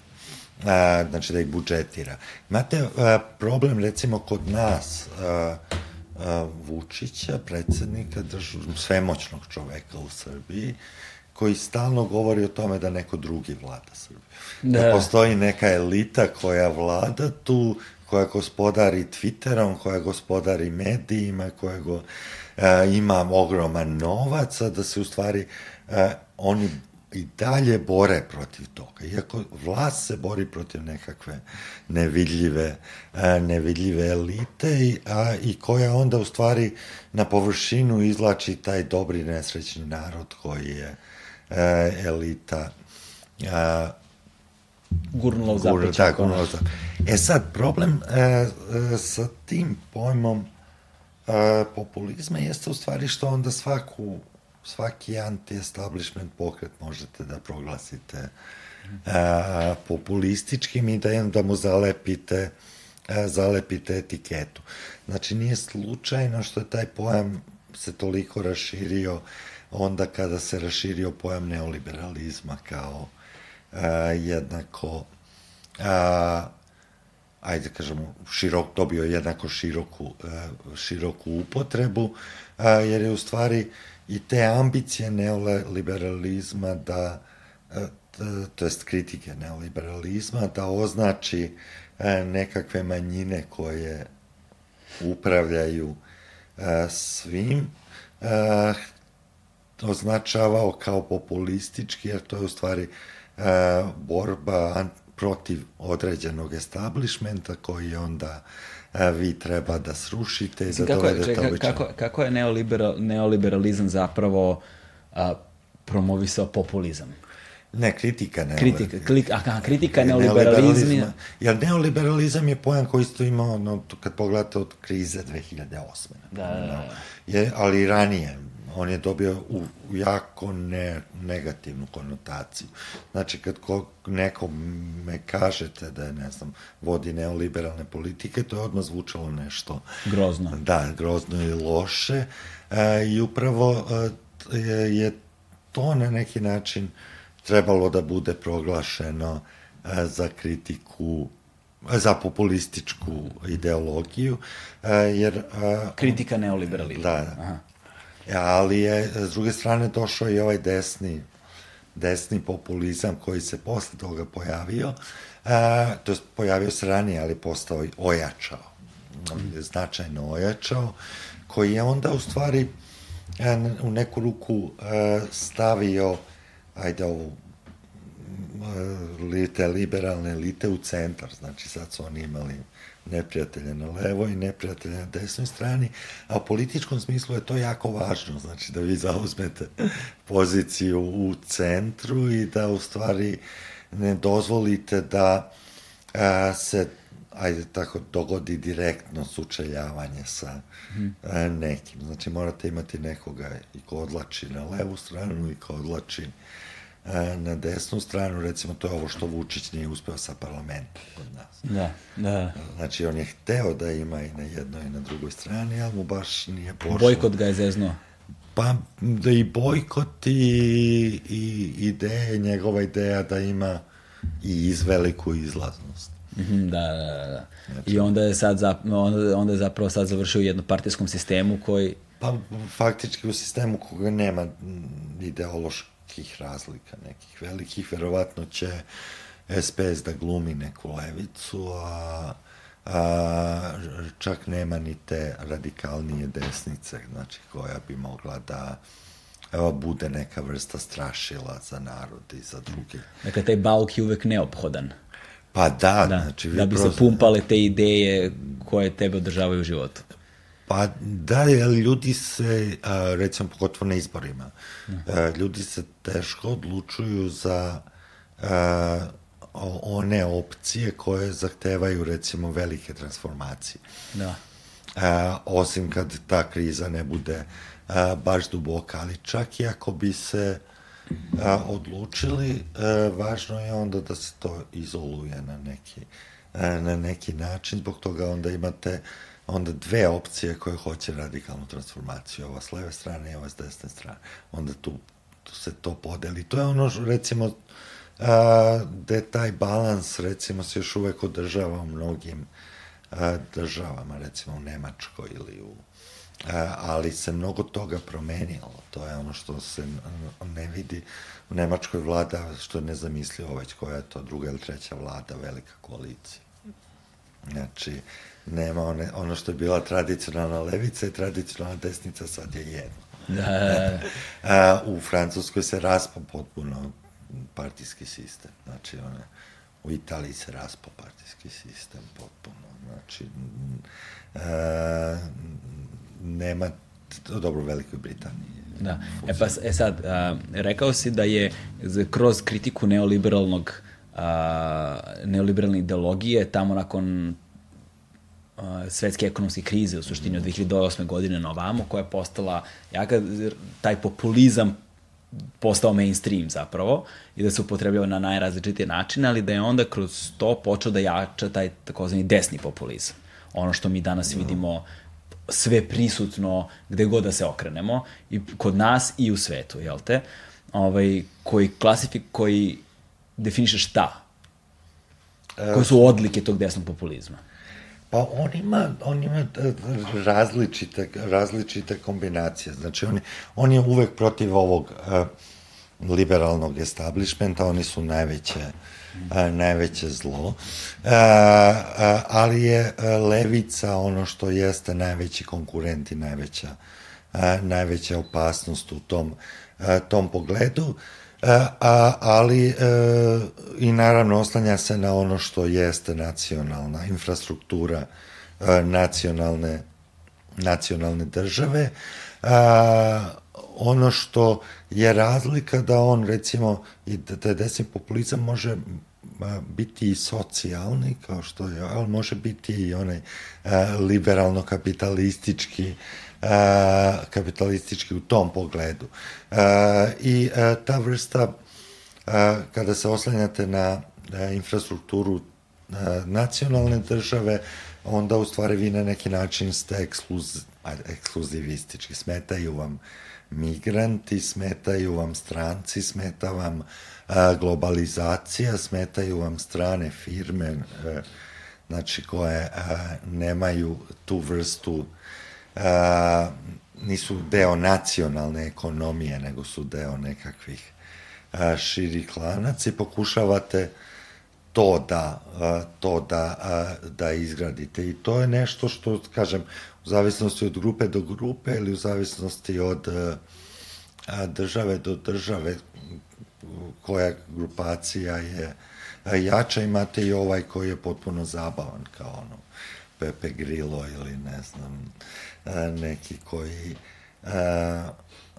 pretvaraju politiku u neku vrstu onako šova za, za, na zabave za, zabave za narod, ali koji a, u tom pogledu a, nisam siguran da ima velike ideološke velike ideološke ambicije osim urušavanja ovog a, tako da, tako da kroz uh na centru liberalnog neprijatelja, jel te, koji je u centru, koji je ono omnipotentni vladalac uh, svetom, koji se ogleda kroz taj antiglobalizam, na primjer, s jedne strane, s druge strane, kroz tog taj veliki bauk najvećeg konkurenta levice, jel te, koji proglašavaju za antifa ili šta god, mm. kako, kako god da ih nazivaju. Teroristi. Teroristi, ali kako god da ih nazivaju kolokvilno danas. Onda kroz sve ove poznate narative koje vidimo, stop migrantima, stop ovome, stop onome, koji imaju, jel te, isto tako strancima, ovima, onima, poguban, jako a, a, po, pod, pogubno delovanje po, po društvo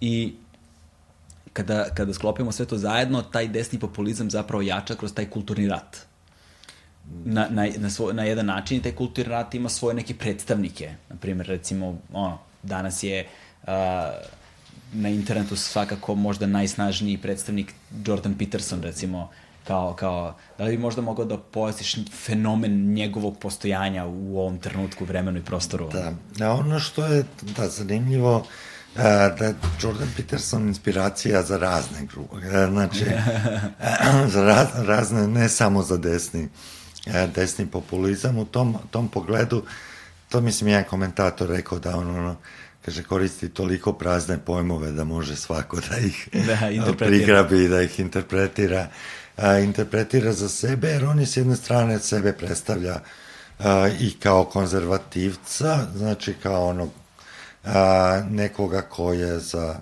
red, poredak, a, ali ko je a, protiv usvajanja unutar tog poredka onih vrednosti koje on smatra da su liberali usvojili, a koji dolaze s leve strane. Znači, to su od političke korektnosti ženskih prava, manjinskih prava i a, stvari koje onda u stvari a, su nešto što a, nema ili ne, nema osnovu, znači da budu a, štićeni od strane države, ali se oslanja na tu vrstu klasične britanske tradicije koja je u isto vreme i onako tvrdo liberalna. Yeah.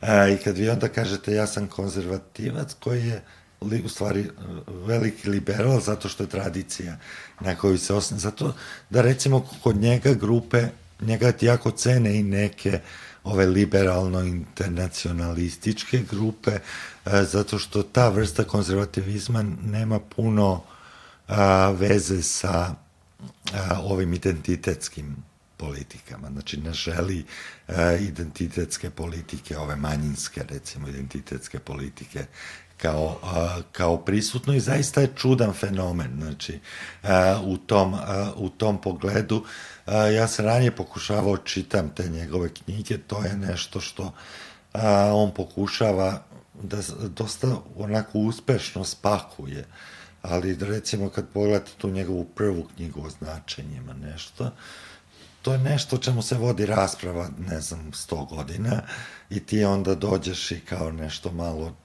čaprkaš iz nauke, uzmeš malo iz ovoga, onoga, iz kulturnih studija i, i malo iz psihologije a, i onda pokažeš u stvari kako se, ili kažeš da si pokazao kako se konstituišu ta značenja i onda to podeliš u nekoj mapi, pa onda onih njihov, njegovih onaj bestseller 12 saveta, da. to dođe kao neka popularna etika u tom, uh, u tom pogledu uh, i koja je onda prijemčiva i ovim, uh, ajde kažemo, tim desnim populistima, ali prijemčiva i ovim tvrdim tvrdim liberalnim. I nigde se to bolje ne vidi nego u Americi, recimo, uh, u tom pogledu. Uh, e, i e, u odnosu na ovo što si pre u uvodu toga pomenuo, a to se vidi u, najbolje u odnosu prema levici. Da, da, da. da. Znači, i za jedne i za druge a, je a, glavni neprijatelj u stvari a, levica i, a, i, i kažem i taj liberalni centar i a, desni ovaj, a, ajde, nazvali smo ga sad populizam, nije sve baš tu tu populizam, u stvari doživljavaju bliže sebi jedne druge nego nego, nego levicu i onda imate te organizovane takozvane kulturne ratove koji se vode protiv upliva svega što je levo u mainstream. To je zapravo kulturni rat protiv marksizma. Oni ga zovu kulturni marksizam ili čak zovu kulturne marksističke ili leve zavere koje tu, zavere to koje još tu bolje. postoji recimo to, ali zanimljivo taj izraz je nastao to jest nastao je ono ranije ali je e, postao u Americi deo te propagande e, početkom 90. godina kada je trebalo e, izbrisati nasleđe ili e, frankfurtske škole.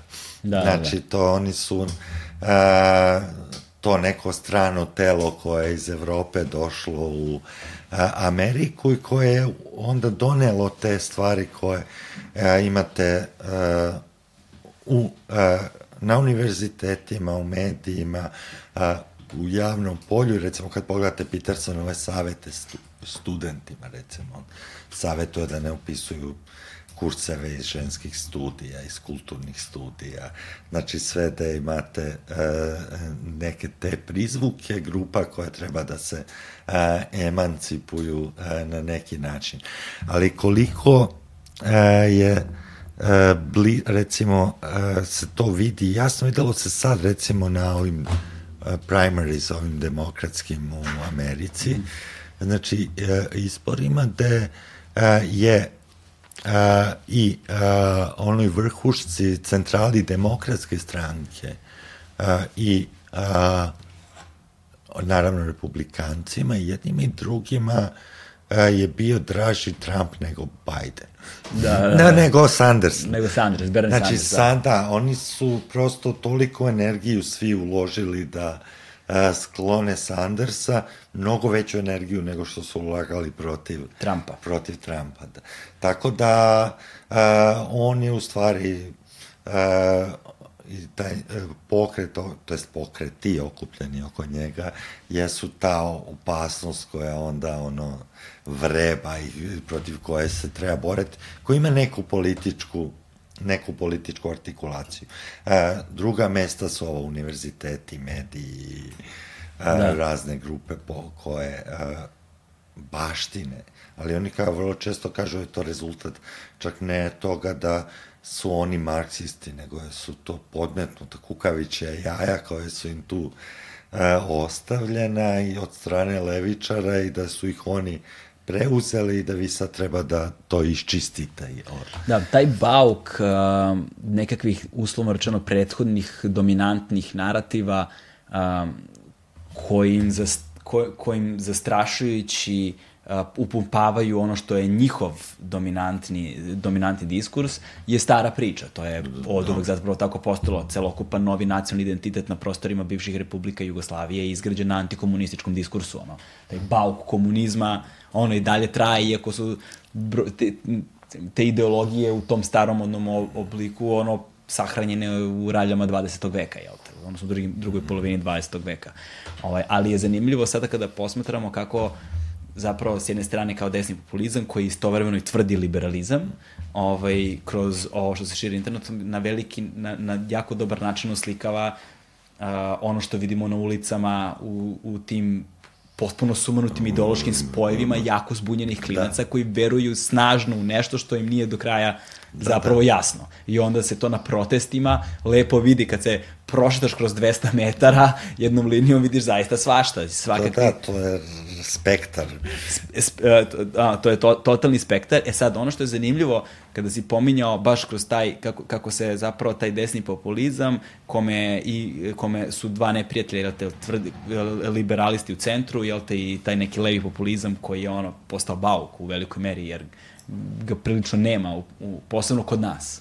Ta levica je ono ubijena na mnogo različitih načina. E sad, to možemo da objasnimo da uđemo polako u taj finalni deo razgovora ovaj, na, dve, na dva načina. To je s jedne strane da su zapravo, da je desnica a, se osavremenila na mnogo nivoa i da su oni u jednoj velikoj meri zapravo pr promenili svoj narativ. Da je desnica u svoj narativ sada uključila ljudska prava, i, i a, a, da, na primjer, mi imamo, o, ne znam, gej premijerku i tako dalje, da je sad to sve postalo, ne samo kod nas, nego globalno posmetrano prihvaćeno a, i druga stvar jeste da su usvojili narative neprijatelja, instrumentalizovali određene aspekte njihovog delovanja, tako da desnica u velikoj meri preuzima instrumente levice, ono što je tradicionalno bilo levica od solidarnosti do, ovoga, do onoga ne znam čega, jer svi oni dalje potiču od nekakvog naroda, nekakvih radničkih prava i tako dalje. I na taj način potpunosti gurnula na marginu te ideje koje su samo ostale žive na nivou a, senja straha od njih. Da, to je to, ono što mnogi ljudi ne vide kod ove, e, ajde da kažemo, nove, e, nove desnice, znači koja e, se po, različito je možemo zvati, neki to zovu konzervativnom revolucijom, recimo, koja se e, dogodila, koja u stvari e, hoće kaže da oni isto vreme čuvaju ono moralno jezgro politike i vred, društvenih, e, društvenih vrednosti, e, a da e, nisu a, protiv ili nisu u opoziciji onim vrednostima koje recimo zašto su ranije bili kritikovani ili što su bili nekakve vrednosti a, drugih. Danas, recimo, vi ćete vrlo redko naći na, koji, koji će vam nešto govoriti protiv demokratije, na primjer, ili protiv a, a, ljudskih prava, ne svih ljudskih prava i to je ono što a, je a, zanimljivo, znači ona staju na određenoj, na određenoj listi, ali to nije nešto što je iznenađenje, čak i različite ideologije su stajale na različitim mestima. U tome do promenjenog odnosa, ne znam, prema braku, prema seksualnosti, prema religiji, da imate mnogo, ajde kažemo, liberalniji dopustiviji stav nego što je bio kod tradicionalne desnice koja je a, gde ste vi mogli da vidite znači nekakve ono uštogljene roditelje koji strogo vaspitavaju da. svoje dete, danas su to ili makar deo njih je, su normal, normalne porne. Normalci. Mislim, da, da, prosto, e, ja se ono šali kažem, više ne možeš da ih prepoznaš po izgledu. Da, da, da. Niti, čak ni, ni po ponašanju, znači u tom a, pogledu, nego samo ukoliko stupiš u razgovor sa njima ili ukoliko ih vidiš u nekoj grupaciji ili na nekoj tribini ili ne znam šta čitaju i tako dalje. Znači, to su prosto stvari koje su, koje desnica uspela da u, ajde da kažem, prikači na svoje, prikači na svoj narativ, dok recimo levica tu dosta luta, znači ona ne uspeva da nađe sebe još od kako se, ajde, tako kažemo, otkačila od radničke klase, od kako je radnička klasa prestala da bude ekskluzivna baza ekskluzivna baza levice a, i tu su onda bili, ne znam, i studenti i žene i a, manjinske grupe, znači razne, a, ali a, nikada nisu uspeli da ih dobiju u meri da oni i glasaju za leve, za leve partije, iako su u stvari se pokušavali da nametnu kao oni koji se bore za bore za njihova prava. E, mislim da je u Srbiji tu još komplikovanija situacija, zato što to mesto političke levice je zauzeo SPS još a, de, simbolički 90. godina a, i toga se sete samo od kampanje do kampanje. Da, da, da. Znači, između toga baš a, i a, nema, a, nema preterano. A, ova socijaldemokratija koja je već svetu već propala, ova klasična redko gde imate a, toliko, toliko snažnu znači u tom, tom pogledu jeste nešto da simbolički pokušavaju mnogi da zauzmu to mesto, ali ne, ne uspevaju. To prosto nije nije jako, jako u tom pogledu, a, a, a da budete radikalni levičar u tom smislu čak je postalo onako manje zabavno nego biti ovaj desni, desni populista, jer tu vrlo lako možete da izlistate da, da. šta je to u šta vi verujete i vrlo lako da se uklopite u svoje okruženje.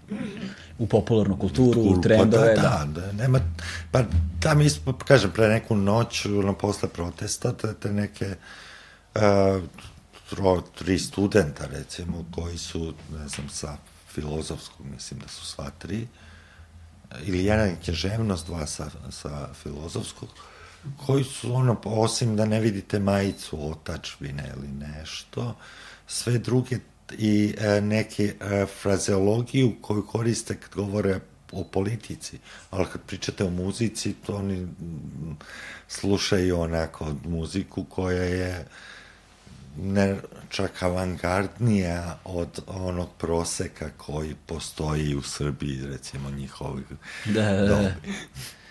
Da, tako da, a, a, sad, sad, sad, sad, sad mislim da smo otprilike uspeli koliko toliko da pokrijemo, da, to. po, pokrijemo ideološki spektar onoga sa čime se zapravo suočavamo danas na ulicama Beograda. E sada pitanje šta ti misliš da je budućnost uh, ovih protesta, mislim sad u trenutku kada se ovo bude pustilo online, ko zna da li će protesta, jer su svakog dana da, sve da. manje i manje, možda ih više neće ni biti, ali um, i znam da su prognoze užasno nezahvalna stvar, prosto ne možemo, možemo uvek, ja nekako vidim kroz život da uvek mogu da analiziram ono što se desilo i da probam da razumem kako je došlo do toga do čega došlo, ali mi je užasno teško, kao i bilo kome drugom, da predvidi šta će da bude sledeći korak. Ali kako ti tumačiš ovu, ove okolnosti sada, ove proteste sada koje se dešavaju i ono što možda može da bude potencijalni sledeći korak?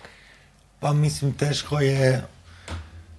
Um pretpostaviti e, bilo čak na samom početku da će ovo dugo trajati. Mm. E, u tom smislu će to biti neki, ne znam, protesti do pada ove vlasti, pa a, oni su imali taj povod koji je odmah ispunjen, ono što je jako zanimljivo i što se za, zaboravlja, recimo, na samom početku je prosto ono zbog čega su pokrenuti bilo ispunjeni, ili ono što imamo na protestima i što će preživeti jeste to nezadovoljstvo generalno i stanjem i politikom i politikama koje se vode, znači prema epidemiji, ali ne samo prema ne samo epidemiji, tako da E, što se toga tiče, mislim da će biti još protesta i protesta, znači, e, i to pretpostavljam čak i u doglednoj, e, doglednoj budućnosti, s tim što oni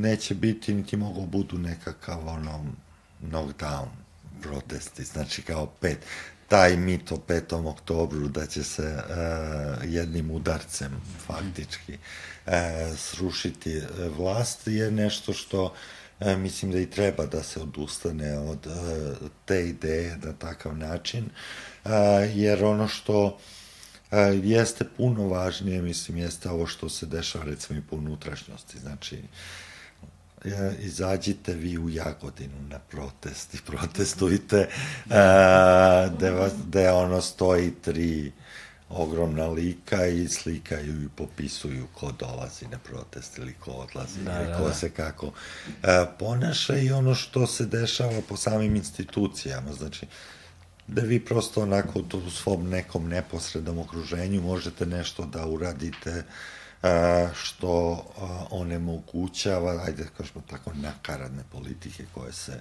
a, vode u odnosu na različite a, na različite E, oblasti. E, kakvu će to političku dinamiku dobiti, to je tek nemoguće.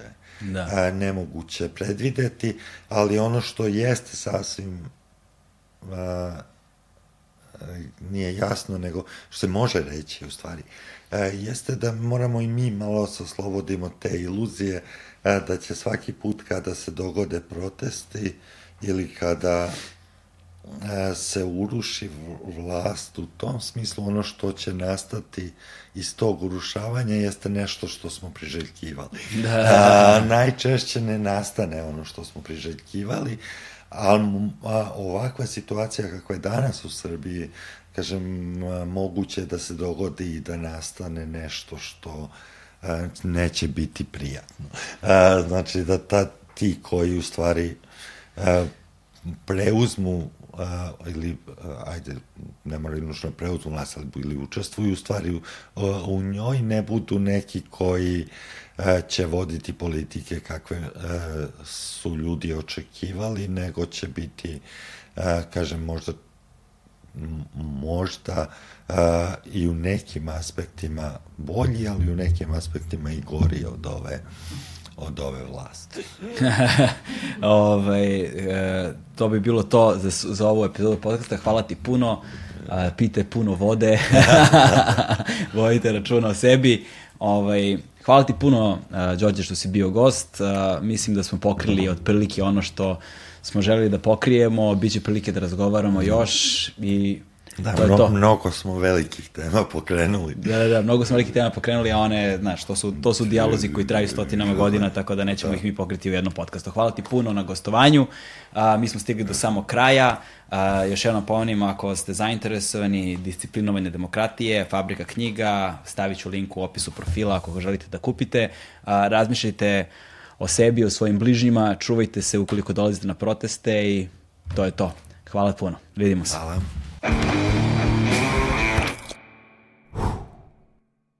Hmm.